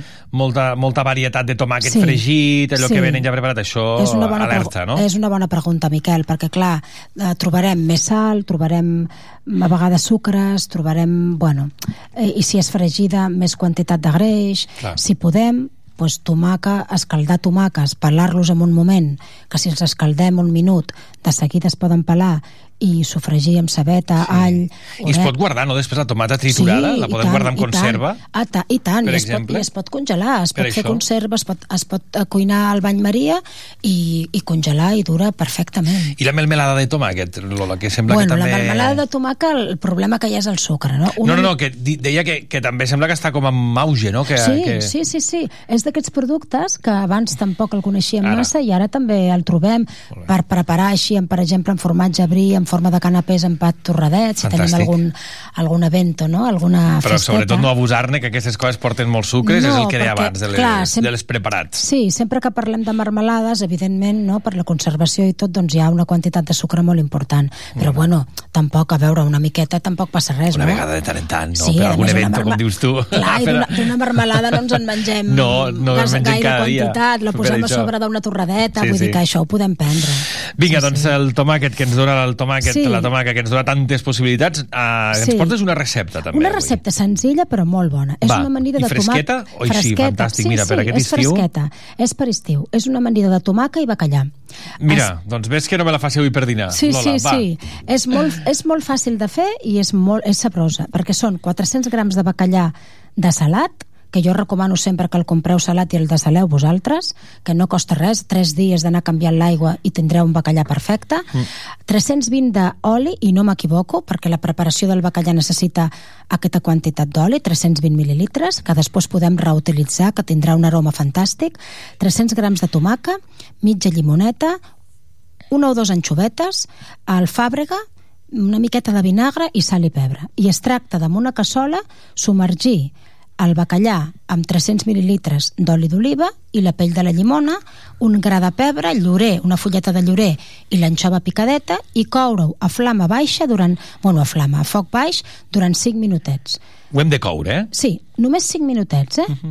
Evidentment el bacallà de salat ja el podríem utilitzar així, eh? però aquesta és aquesta preparació, aquesta recepta és així. Sí, sí, sí. Cuinar-ho a foc baix 5 minuts, deixar-ho reposar 10 minutets cobert i després simplement rentar el tomàquet, tallar-lo en trossos no massa grans, afegir oli, una miqueta de sal, una punteta de vinagre d'eufàbrega, afegir aquest bacallà ben escorregut de l'oli i ens el podem menjar amb pa aromatitzat amb all i encima, enciam fresquet. És una recepta fantàstic, molt eh? bona. Això és fantàstic i ben fresquet ara que, Ben fresquet. que ve de gust ara a l'estiu, que només venen de gust com a Sí. menjars fresquets, Sí, així, eh? gazpachos, no, Ara, ara, no, no, jo sóc molt addicte al gazpacho, eh? Sí, Perquè sí. així quan arribes al migdia per dinar, Sí. va molt bé. La I veritat el és que va salmorejo també, també, també, també, també, també. I començar l'àpat amb un suc de tomàquet natural també. Doncs mira, Bueno. això ho provaré. També, Molt bé. Eh? Lola Simón, que moltíssimes gràcies. Ens Ah, gràcies. eh, tornem a trobar ben aviat, que aquest Sí. juliol estaràs amb nosaltres gairebé cada setmana. Dimarts vinent estic aquí. Doncs aquí et rebrem. Molt bé. Moltíssimes gràcies, Lola. A Una abraçada. Una abraçada.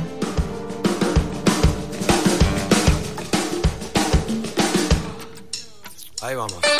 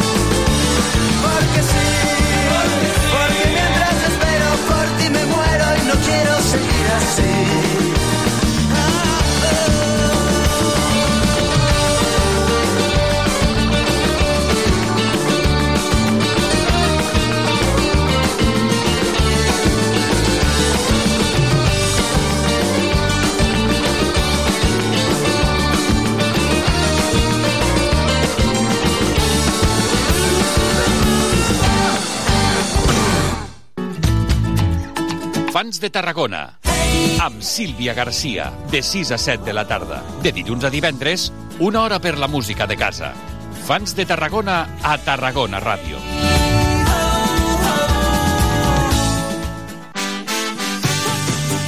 A Tarragona Ràdio som 40.000 oients.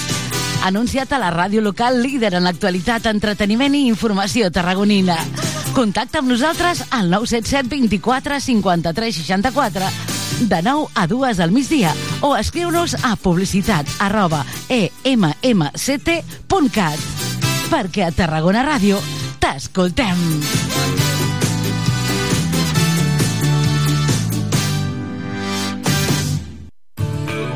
A Tarragona Ràdio som la Tere, el Jordi, la Laura, el Miquel...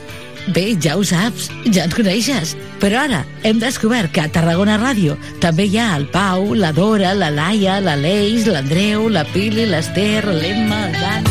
40.000 oients ens escolten cada mes. 31.000 descàrregues de podcast. 7.700 oients cada dia. 11% de share a la ciutat. 29.000 seguidors a les xarxes. 97.000 hores d'escolta en streaming. 6 de cada 10 tarragonins us informeu amb nosaltres. La Maria Dolors, la Montse... Buah, quanta gent! A Tarragona Ràdio som 40.000. Gràcies per ser-hi. Tothom amb les capacitats. la capacitat de ser diferents, no? de ser persones neuronalment atípiques, però com una condició. Tothom amb la solidaritat. per visibilitzar-nos i per donar-nos a conèixer i fer recerca sobre aquesta malaltia. Tothom amb el voluntariat. Facilitant el nostre dia a dia i la nostra prestació de serveis. Tothom amb les iniciatives socials. poder construir pues això, no? espais sants i positius i a través de l'oci i el temps lliure pues, generar oportunitats. Tothom amb la gent gran. acompanyar aquella persona en unes etapes de la seva vida que també ha de ser gaudir i disfrutar. Tothom amb les persones. Ajudant a les persones amb trastorns neurocognitius que ho necessiten. Tothom amb Miguel González. A Tarragona Ràdio. De dilluns a divendres a dos quarts d'una del migdia. Al tothom de tothom. Tots podem expos estar exposats en algun moment donat a poder patir un, un trastorn. Tarragona vol ser una ciutat lliure de violències masclistes i LGTBIQ-fòbiques. El teu silenci et fa còmplice. Prevenció de conductes sexistes a Tarragona. Telèfons d'emergència 092 Guàrdia Urbana. 112 Emergències. 900 900 120 línia 24 hores. Ajuntament de Tarragona. Si et trobes en una situació de violència masclista, truca al 900 900 120 o envia un correu electrònic al 900 900 120 arroba gencat.cat. És un servei confidencial i gratuït operatiu les 24 hores del dia de l'Institut Català de les Dones. Generalitat de Catalunya.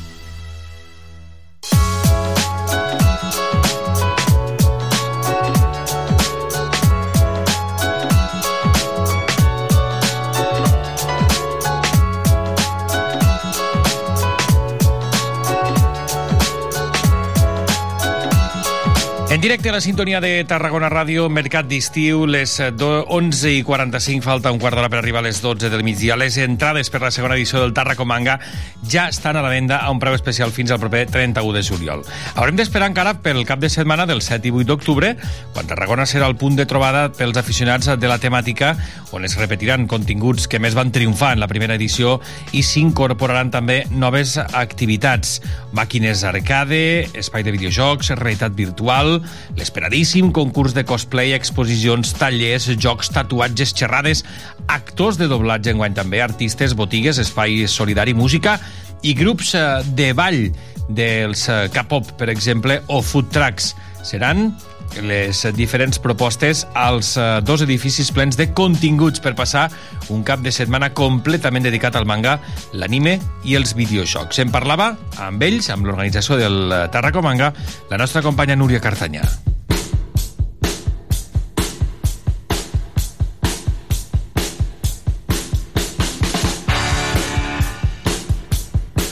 Tot just hem començat l'estiu, ja sabeu, és el programa Mercat d'Estiu, però fem una previsió de cara a la tardor. Fixeu-vos, eh? Passat fins i tot Santa Tecla, a que queda lluny. Doncs per als organitzadors, no tant. Això és el que ens diu l'Ivan Carrasco, que ja estan eh, organitzant i gairebé tancant tot el que passarà a Tarragona dins una nova, un nou lliurament, eh? una nova edició del Tàrraco Manga. Apunteu-vos al cap de setmana, 7 i 8 d'octubre. Ivan Carrasco, bon dia.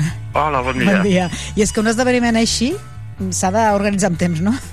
Home, pensa que nosaltres ja ho estem quasi tancant i portem doncs, 3 o 4 mesos ja treballant. Encara que quedin 4 mesos per davant, o 3 mesos per davant, ja fa temps que estem treballant perquè sí, porta molta feina. A veure, quin serà, ja d'entrada fem spoiler, quin serà, si és que n'hi ha, el tema central del Terracomanga d'enguany? Bueno, a veure, nosaltres mm, ens agrada tocar molts, molts temes eh, dins de lo que és el manga, l'anime i els videojocs, vale?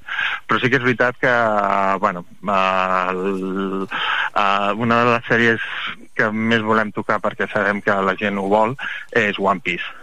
Ah, One Piece!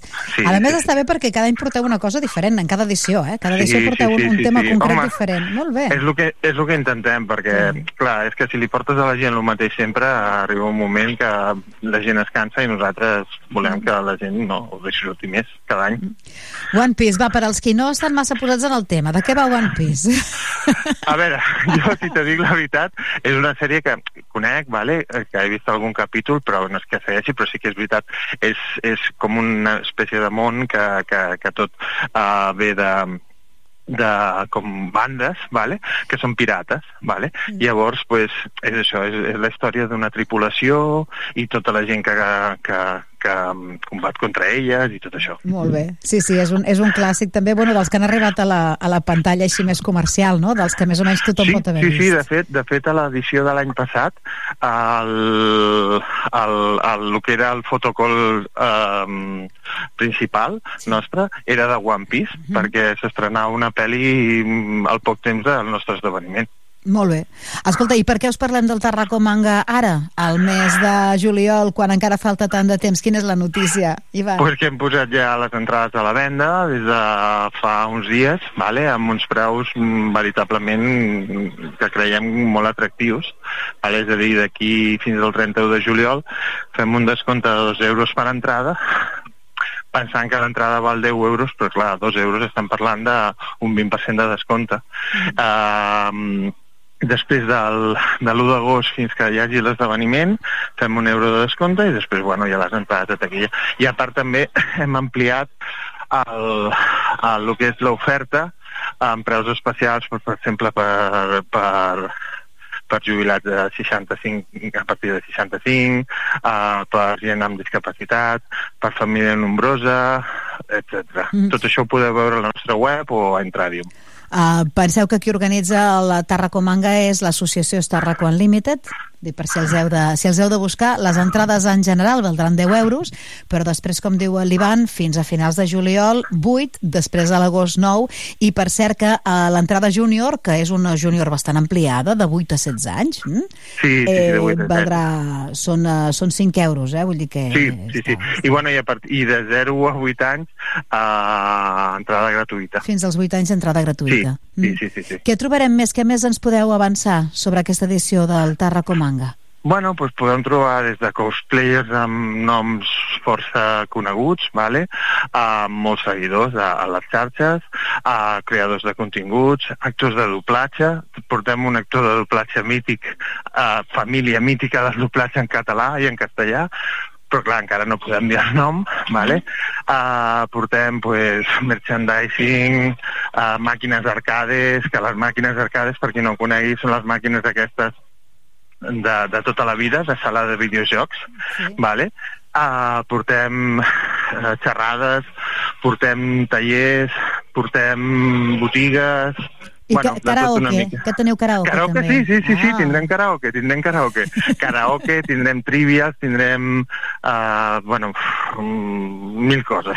Mm, um, T'anava a dir que també teniu un raconet perquè, clar, el Palau de Fires i Congressos és enorme i teniu Sí. també un bon racó destinat a les associacions o entitats, a vegades locals, a vegades, doncs, eh, bueno, mm, generals, sí, no? Sí, a veure, nosaltres... Mm, és que, clar, nosaltres venim del món de, de les associacions benèfiques i això, no? És a dir, quan teníem una mica més de temps, doncs ens dedicàvem a posar-nos trajes, aquesta vegada de Star Wars, i ens anàvem a hospitals i tot això. Gràcies a això hem conegut a moltes associacions. Llavors, en tots els nostres esdeveniments, de vegades són menys, de vegades són més, perquè també depèn de la disponibilitat d'ells, no?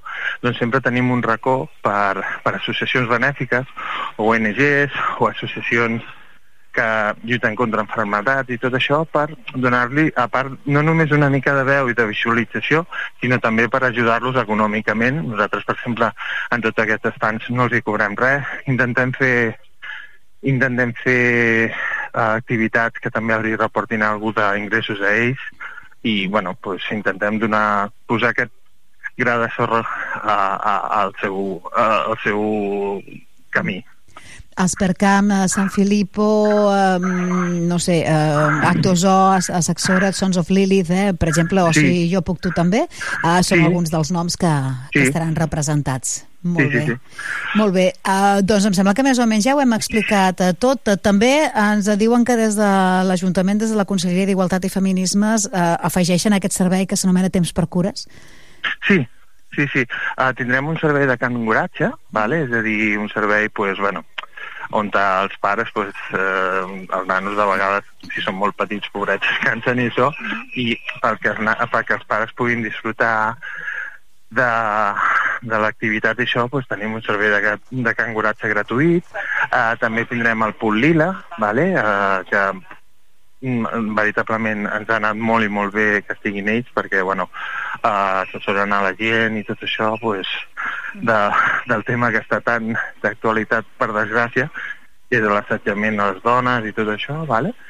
I, bueno, mm, pues sí, ens, ens ajuden amb, amb temps de cures i, i veritablement que estan superagraïts.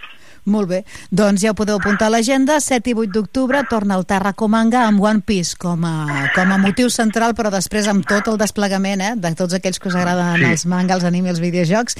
Tingueu en Ah. compte eh, que les entrades ara i fins al 31 de juliol eh, són a, amb descompte, valen 8 euros i 5 euros per als, eh, petits, bueno, per als joves, i després de l'1 d'agost fins, a, fins al 6 d'octubre doncs hi haurà entrada de descompte per tant fort i vaja, que val la pena que les compreu ara. Ja està, ja està dit. Molt bé. Vale. Ivan Carrasco, director del festival de, del, del manga, de l'esdeveniment, no sé com dir-ho. Tarracomanga ja Tarraco. Manga. Sí, sí, sí. Felicitats un any més i us esperem ja amb moltes ganes. Gràcies, Vale, Ivan. moltíssimes gràcies. Fins ara. Fins ara. Adéu.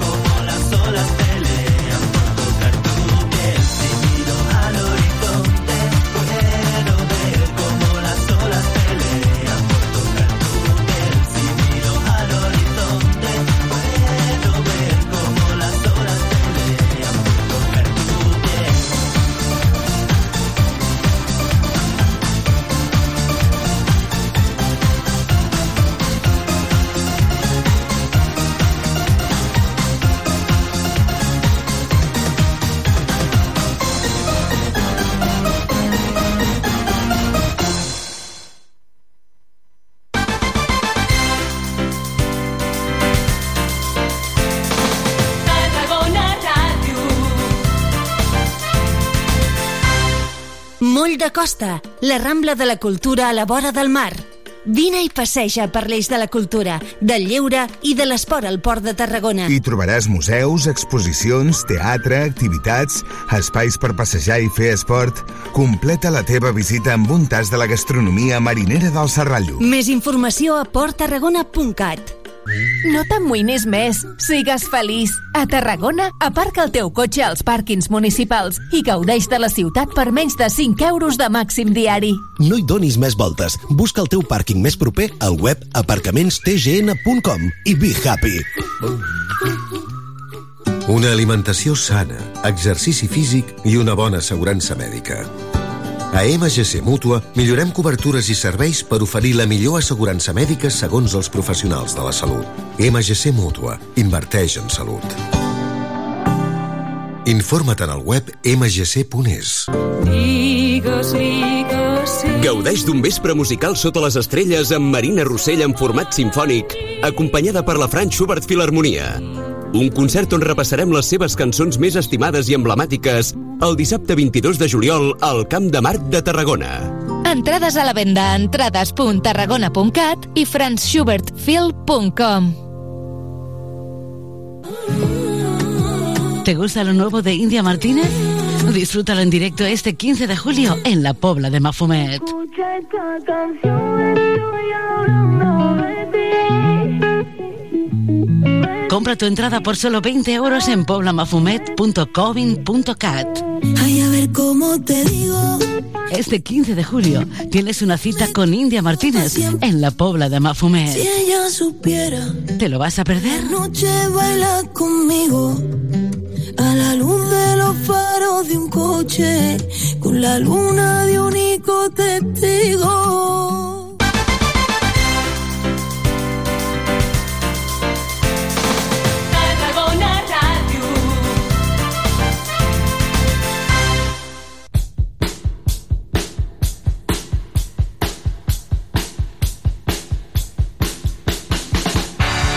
Continguts fresquets del dia i entrevistes quilòmetre zero a Mercat d'Estiu a Tarragona Ràdio.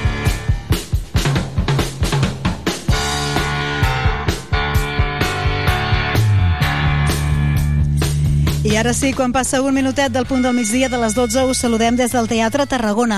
Hem vingut fa cosa d'una hora, a les 11, eh, que ens convocaven per fer la presentació de la, nou, la nova edició, la desena ja del FIT, Festival Internacional de Teatre de Tarragona, Noves Dramatúrgies. Les dates ja les podeu apuntar al calendari del 30 d'agost al 3 de setembre, això ja se sabia. Se sabia també que inauguren amb, una, bé, amb un espectacle molt potent, Rodrigo Cuevas torna a Tarragona i torna al Camp de Mart, però hi havia coses que encara no se sabien i que ens han sorprès moltíssim. Ara us les explicarem en conversa amb el Joan Negrier, director del festival. Joan, bon dia. Què tal, com esteu? Bon dia.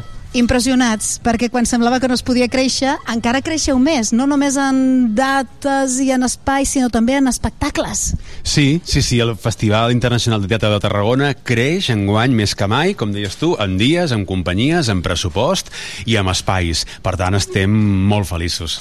Com us heu aconseguit? Eh, què, què ha canviat perquè això sigui així? Ja heu posat tot, el, tot l'èmfasi al seu desè aniversari i dit, vinga, hem de fer alguna especial. Exacte, tu has dit 10 anys crec que és una data per celebrar i que ho havíem de fer per todo lo alto. Hem buscat recursos mmm, allent de los mares, que diuen, per poder pagar això i esperem que vingui molta gent per poder fer un, un ingrés de taquilla important. Però s'ho mereixia. 10 anys és una bogeria. Mm, Núria, tu que has viscut tots els fits, van començar una cosa molt petita i ara acaba sent una cosa molt gran, però perquè realment la gent ho vol. Estàs espantant a l'audiència. Quan diem que, que s'ha buscat recursos econòmics per pagar això, no vol dir que ho pagarem de la nostra butxaca als espectadors. No, no vol dir que s'ho han currat amb patrocinis i això, que han tret suc de les pedres perquè realment, ara ho veurem, els abonaments i els preus de taquilla són, si no els mateixos, semblants, són molt assequibles, eh? Exacte. El, el, el, són enguany 15 espectacles. Són, és, una, és una meravella. Hem augmentat eh, de 12 a 15, exacte. Un Story Walker, que enguany passarà al cementiri. Tres workshops, dos workshops, tres sopars, una estrena absoluta que és meravellós que FIT, eh, Noves Dramaturges, vingui una companyia a estrenar un espectacle. Una estrena europea d'una companyia uruguaiana i dues estrenes a tot l'estat espanyol.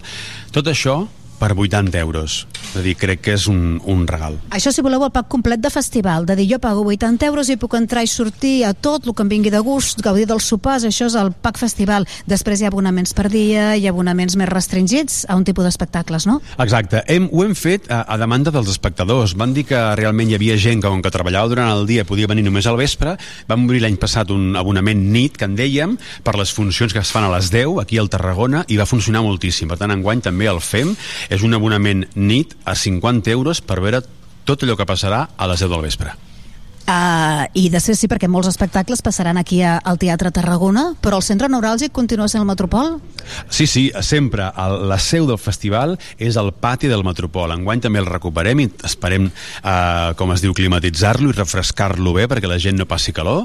Ja ho tenim tot llogat i pensat. Esperem que no, que no vingueu molt, molt, molt acalorats perquè pujarà massa la temperatura, però esperem refrescar-lo bé, utilitzar-lo de nou al Metropol i que el jardí sigui el centre, com deia, neuràlgic del FIT. I en aquest sentit també hi ha aquests uh, abonaments doncs més de petit format que són per, per un dia, no? per una tarda. Exacte, tenim l'abonament dia també, que per 30 euros tu el que pots fer és veure les funcions que hi ha aquell dia a les 5 de la tarda, les d'aforament reduït, la de les 7 de la tarda i la de les 10. L'entrada suelta són 20 euros, una mica més econòmica si ets amic de la, de la Trono. Exacte, l'entrada dels espectacles de, de, de, de teatres, no? els de les 7 i el de les 10 són a 20 euros i 16, 16 20 a la Trono, i els d'aforament reduït són a 16 euros. Bé, que fins aquí els números, perquè ja veieu que és uh, apte per a totes les butxaques i realment hi ha gent que ja es comença a demanar festa aquells dies que dura el festival, per, uh, i agafen l'abonament, se demanen festa, vacances, i ja van a veure tot el que poden. Mm, Els hi fareu fer una mica de gincama perquè no tot passarà entre el Metropol i el Tarragona, sinó que tenim espais i espais nous. Exacte, tu has dit, hi ha espais nous, enguany obrim l'antiga presó, el centre penitenciari de la ciutat, que fins al gener estava eh, doncs, en funcionament, i l'obrim per presentar-hi Palmasola. Palmasola és una funció de la companyia Clara Theater de Suïssa i Bolívia, una companyia això, suïssa-boliviana, que parla d'aquesta presó que porta el mateix nom, Palmasola de Bolívia, la més gran que hi ha en el país, i que s'ha de viure i veure dintre d'una presó. I hem aconseguit, gràcies als serveis territorials de justícia de la Generalitat, doncs poder-la obrir i que la gent doncs, pugui gaudir d'aquest espai que és tan amb, que ha tingut un contingut tan dramàtic doncs, que el pugui veure doncs, vestit de, de teatre. Palmasola és una de les produccions internacionals que arriben i els hi heu buscat l'escenari perfecte perquè puguin venir i teniu altres produccions internacionals que abans ho deien, ne teniu una de molt buscada, molt sol·licitada, que s'emporta gairebé tot el pressupost del festival. Bueno, els Peeping Tom, els Peeping Tom és una de les companyies més prestigioses que hi ha a nivell europeu.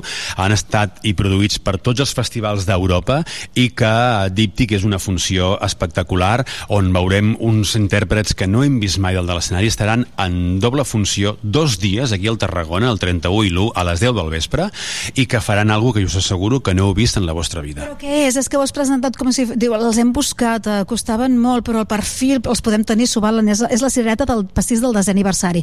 Què fan? Sí, és un espectacle de teatre físic, és dansa, podríem dir-ho, però tu veus una història, tu no entens de dansa i tu sembla que els actors parlin. Veuen uns, una, veus una història que és un homenatge al cinema dels anys 50, canvien l'escenografia en escena i els seus cossos es mouen d'una manera que tu no t'ho pots creure. Hi ha una fisicitat d'aquests intèrprets que jo t'asseguro que no he vist en la meva vida. Increïble. Venen des de Bèlgica, es diuen? Peeping Tom. Molt bé. Més de teatre internacional, passarem per tot, eh? així encara que siguem pinzellada. D'Itàlia, Graces? D'Itàlia ve la Sílvia Gribaudi, que és una de les coreògrafes més internacionals que té aquest país, que és una coreògrafa ja d'una, podríem dir, d'una de mitjana edat, amb un cos mm, normal, no m'agrada dir no normatiu, un cos normal, per l'amor de Déu, i que proposa una funció de dansa eh, interactiva amb el públic on barreja comèdia, ironia i també és una funció que tu, encara que no siguis espectador de dansa, l'entendràs i la gaudiràs moltíssim. De fet, això és una de les coses que caracteritzen els espectacles del FIT, com no pot ser d'altra manera si parlem de noves dramatúrgies, és aquesta interdisciplinaritat, no?, què es barregen diferents, sí, diferents mm, propostes escèniques. Ja fa anys que vam treure no, la, la definició de cada espectacle, teatre, dansa, circ o música, perquè crec que avui en dia el teatre contemporani ja aglutina totes les disciplines. Una funció de teatre contemporani ja hi ha, doncs això, no? Mm, cos, teatre físic, mm, audiovisual, noves tecnologies, per tant, eh, avui en dia tot són noves dramatúrgies. Més internacional, qui és la Jimena Márquez que estrena, estrena aquí el FIT? La Jimena Marca estrena a Europa, vull dir, ella ja per, per Sud-amèrica ha actuat molt, però és la primera vegada que actua a Europa. Té una gira pel 2024 brutal, però hem aconseguit que vingui només pel FIT. Ve a Tarragona, fa la funció i se'n torna a Uruguai. Perquè van dir, crec que és la millor manera de que l'any 2024 tinguis encara una millor gira per Europa, perquè vindran aquí a Tarragona molts programadors internacionals i et programaran segur. I per tant és una funció meravellosa, és una autora resident del Teatre Nacional d'Uruguai, del Teatro Solís de Montevideo, i que fa una cosa que destrueix aquest teatre de l'autoficció modern que es porta avui en dia, que és una, un teatre que tu no saps què és cert i què és mentida sobre la, la persona que, que, que parla i que és una meravella. Sí, això que has dit és important, fem parèntesi, fem parada, i és que el FIT no només està perquè ho veiem i ho gaudim al públic, eh, el públic que ens agrada el teatre, sinó que també venen programadors que eh, posen l'ull i després programen aquests espectacles en el seu circuit. Clar, per això sempre defensem que hi hagi talent tarragoní al- al FIT, que hi hagi una programació amb talent de casa nostra, perquè és important que els programadors que venen de fora també coneguin el que fem els artistes tarragonins i se'ls el puguin endur als seus respectius festivals i països. No? Enguany tenim la Dolça Alcanyís, que és una artista tarragonina que s'han hagut d'anar a estudiar a l'ERAM a Girona perquè aquí no ha tingut opció ni d'estudiar escèniques ni de desenvolupar el seu talent ni la seva creativitat i per tant la vam descobrir i juntament- amb Fira Tàrrega, amb el territori creatiu ajudem aquesta companyia a la producció perquè pugui tirar endavant aquestes noves espiritualitats per a persones atees. També eh, tenim, eh, amb, amb vinculació, eh, lligat a, aquí a casa nostra, el Didier Ruiz, estic veient, amb una obra molt suggerent que es diu Trans més enllà. Sí, exacte, la companyia Des Homes, que és una companyia francesa dirigida pel Didier Ruiz, que és un director que es va enamorar un dia de Tarragona i va comprar-se una casa aquí, i té una casa aquí a Tarragona i ve de tant en tant als estius a estiuejar. És una companyia francesa també molt prestigiosa, que porta 5 anys voltant per Europa i que doncs, això qüestiona què és ser home i què és ser dona, no? i que posa una miqueta en, en, en entredit la definició de, de la paraula trans. Són cinc testimonis meravellosos, brutals, on redescobrirem això, no? què significa ser home i què significa ser dona, què és la masculinitat i què és la feminitat, i, i que realment jo crec que la gent s'emocionarà molt amb aquest espectacle.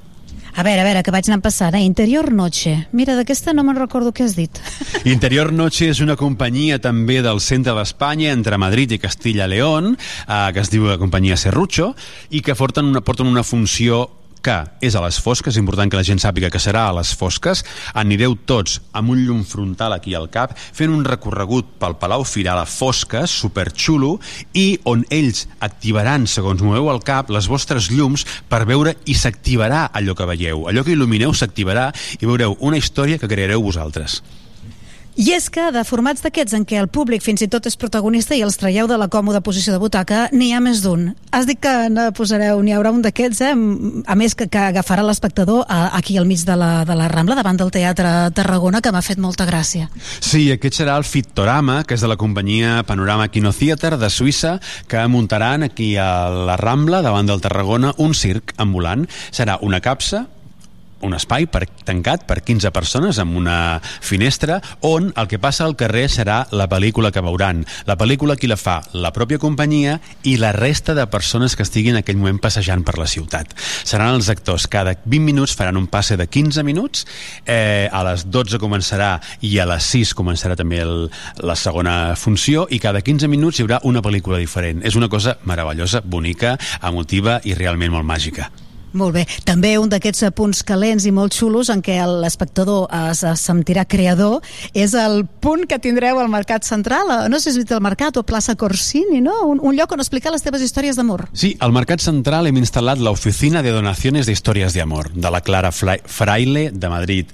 És un espai on durant tot el dia podreu passar per allà a explicar les vostres històries d'amor històries d'amor, d'amor de parella, d'amor fraternal, d'amor mm, del que sigui, eh, d'amistat, de qualsevol tipus d'amor, perquè siguin donades a aquelles persones que les necessitin per qualsevol motiu. I al final del festival hi haurà una exposició amb totes elles i serà una cosa molt bonica i molt romàntica. A veure, espectacle itinerant, que ens han d'acompanyar d'un lloc a l'altre? Les Nòmades. Les Nòmades d'Actua Teatre, companyia de Barcelona, que porta unes figures gegants de 6 metres de llarg per 4 dalt, que faran, doncs això, no? Om- Ompliran els carrers centrals de la ciutat d'alegria, de, de titelles, de, de, de festa, i que acompanyaran el públic que surti d'un espectacle cap a un altre, o cap als sopars que farem, com sempre, al Pau del Clos, i, si és gent que passa pel carrer i que estigui passejant, també veurà un espectacle gratuït, meravellós, i farà que això s'interessi pel que va ser el FIT.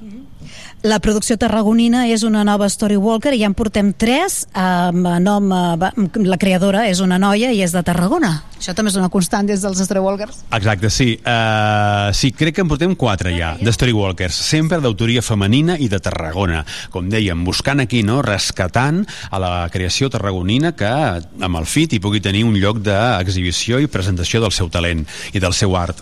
Això, no?, el Storywalker d'enguany l'ha escrit l'Anna Fernández, La nostra Anna? La nostra Anna Fernández, que, Que sona el nom. que també escriu de meravella i que eh, aquí a la Trono tenim gent polivalent i per tant ha fet una història preciosa, molt bonica sobre una estudiant que va mm, morir en el començament del segle XIX a través, arrel de la febre tifoidal i que, com heu vist, passarà al cementiri de la ciutat i que estarà fet en català, en castellà i en anglès. Un Story Walker, per la gent que no sàpiga, és un espectacle auditiu. Est o sigui que ens n'haurem d'anar al cementiri i allà, doncs, escoltant amb els auriculars, amb aquell ambient de tranquil·litat del cementiri. En aquell ambient i aquell escenari del cementiri escoltareu una història preciosa. La joguina de l'Àgata és la Story Walker, la producció tarragonina d'enguany, de l'Anna Fernández. Bueno, inaugureu amb Rodrigo Cuevas, que Rodrigo Cuevas va venir, després de venir, ho va patar tot arreu i ara torna com engrandit, però ja va estar aquí, Rodrigo Cuevas. Doncs si tu ho has dit, del seu pas pel FIT, Rodrigo ho ha patat per tot Espanya. No, no, realment va ser com el punt d'inflexió. Uh, Tu ja el presentaves amb aquest èmfasi que, que presentes tu la gent que encara no coneix gaire gent, no? Que dius, Rodrigo Cuevas, hi heu d'anar. perquè sempre dic, no, aquí al Festival de la Trono, o sigui, heu de fer cas de, de, de, de la gent que portem la Trono, perquè no coneixeu les companyies i nosaltres us, us coneixem a vosaltres, sabem que us agradarà molt. I Rodrigo Cuevas, sabíem que us agradaria, va venir aquí, ho va patar molt fort, com tu dius, se'n va anar al Morell, que ell va dir, jo què hago en el Morell, però se'n va anar perquè, clar que sí, el van programar perquè és boníssim. I ara amb el seu segon àlbum, que va estrenar la setmana passada, el divendres a Banyoles, a la Fònica, al Festival La Fònica, vindrà aquí amb una amb, com a tercera parada amb el nou àlbum que es diu La Romeria i que serà una festa al Camp de Mar per primer cop que inaugurarem per tot lo alto, 1.800 cadires, de les quals ja en portem venudes més de 300 només en 3 setmanes, només per aquest espectacle, que serà una inauguració, t'asseguro jo, que eh, fliparem tots. Doncs això, això és el que podrem veure dalt de l'escenari pels carrers, els que ens arribarà de prop, eh, si som espectadors del FIT, però després a porta més tancada eh, hi haurà workshops, hi haurà altre tipus de, de, bueno, d'activitats, no? Exacte, el festival no és només exhibició, el festival és participació, el festival és també formació, com sempre hi ha dos workshops, enguany hi haurà un de la companyia Spamplis, que presentarà un workshop que es diu Dramaturgias del Nuevo Milenio, el dia 1 al magatzem, i el dia 2 la Jimena Márquez en farà un que es diu Biocreació Escènica, que parlarà sobre això, sobre l'autoficció. És a dir, faran el workshop l'endemà d'haver actuat, perquè la gent ja ho haurà vist i podrà doncs, eh, interessar-se per aquesta persona i poder treballar amb ells. Ara entenc perquè quan has començat la roda de premsa el primer que has fet és cridar un munt de gent perquè vingués a parlar, perquè clar, heu, heu fet sinergies amb moltíssimes entitats eh, d'aquí de casa, no? entre sales i patrocinadors, déu nhi la gent que ha participat. Exacte, vull dir, hem fet una, hem fet una, una sí, com tu has dit, una sinergia, un equip, un, una família de FIT que, que, bueno, que com dèiem, no? entre eh, entitats, institucions, eh, companyies, eh, organismes, hi ha una família meravellosa de més de 25 col·laboradors que fan possible el FIT. Bueno, amb aquesta família heu convidat uns membres nous, recents, al nou Ajuntament de Tarragona, que també els hem vist avui aquí presents. Volem presentar el producte. Què tal, les sinergies, com ho veieu? Bueno, jo avui, jo avui he conegut l'alcalde de Tarragona, jo encara no el coneixia.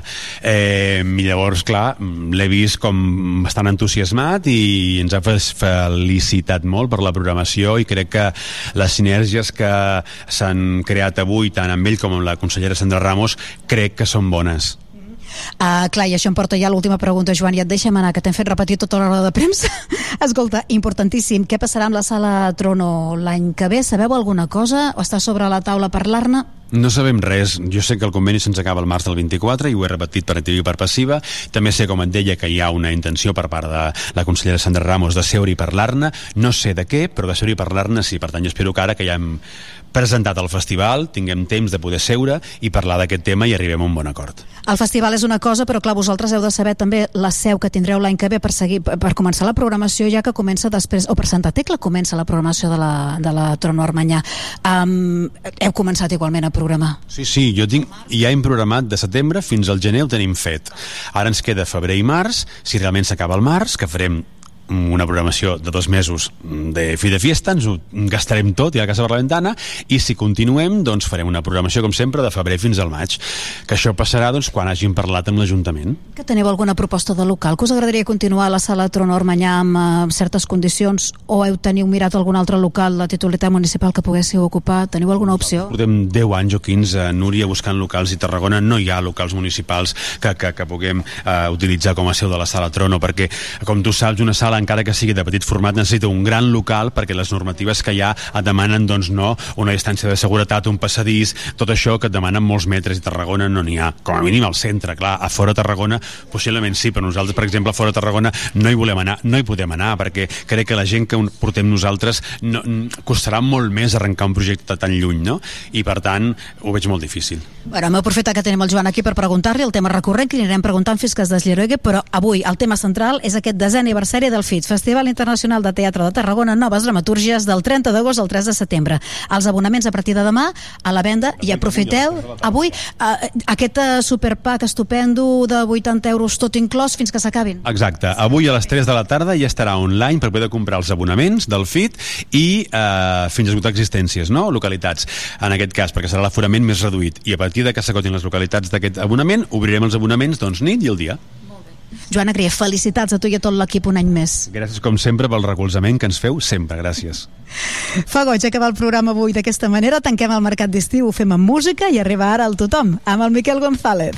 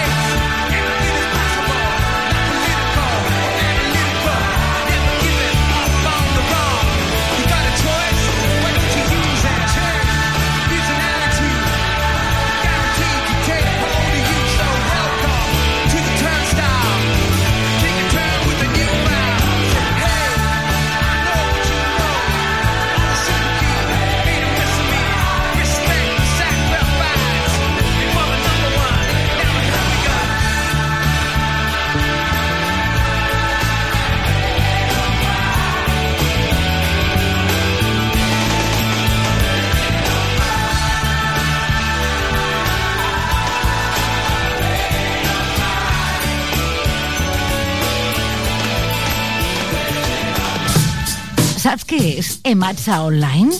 És la manera més fàcil, còmoda i eficient de gestionar el teu subministrament d'aigua.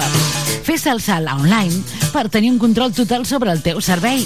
Consulta les teves factures i fes tots els tràmits quan vulguis.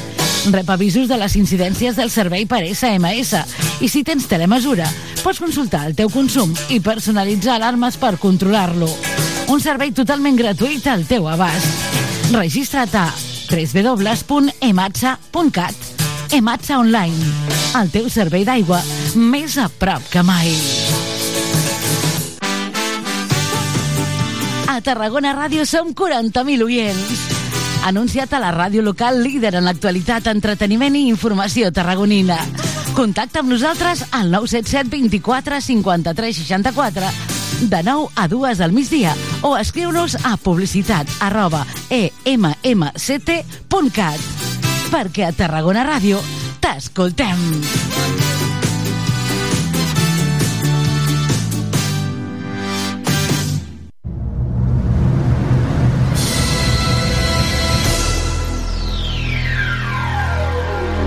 Cada dissabte a les 10 de la nit... En cabina, DJ Parry. DJ Parry, el DJ resident de Tarragona Ràdio, t'ofereix la millor selecció musical perquè et montis la festa allà on vulguis. Els darrers èxits musicals els trobaràs a Tarragona Ràdio, cada dissabte a les 10 de la nit i amb DJ Parry. Prova-ho i repetiràs. Welcome to Central Bay.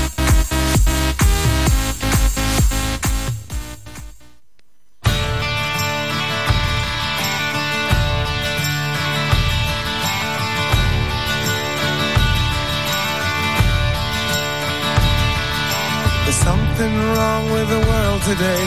I don't know what it is. Something's wrong with our eyes. We're seeing things in a different way.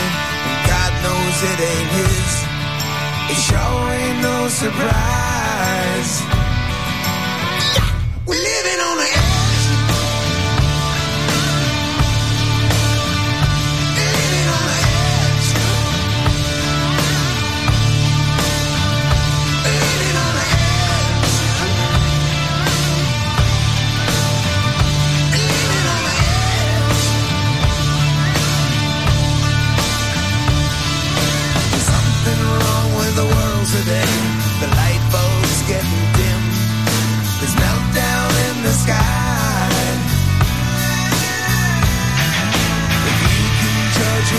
man by the color of his skin.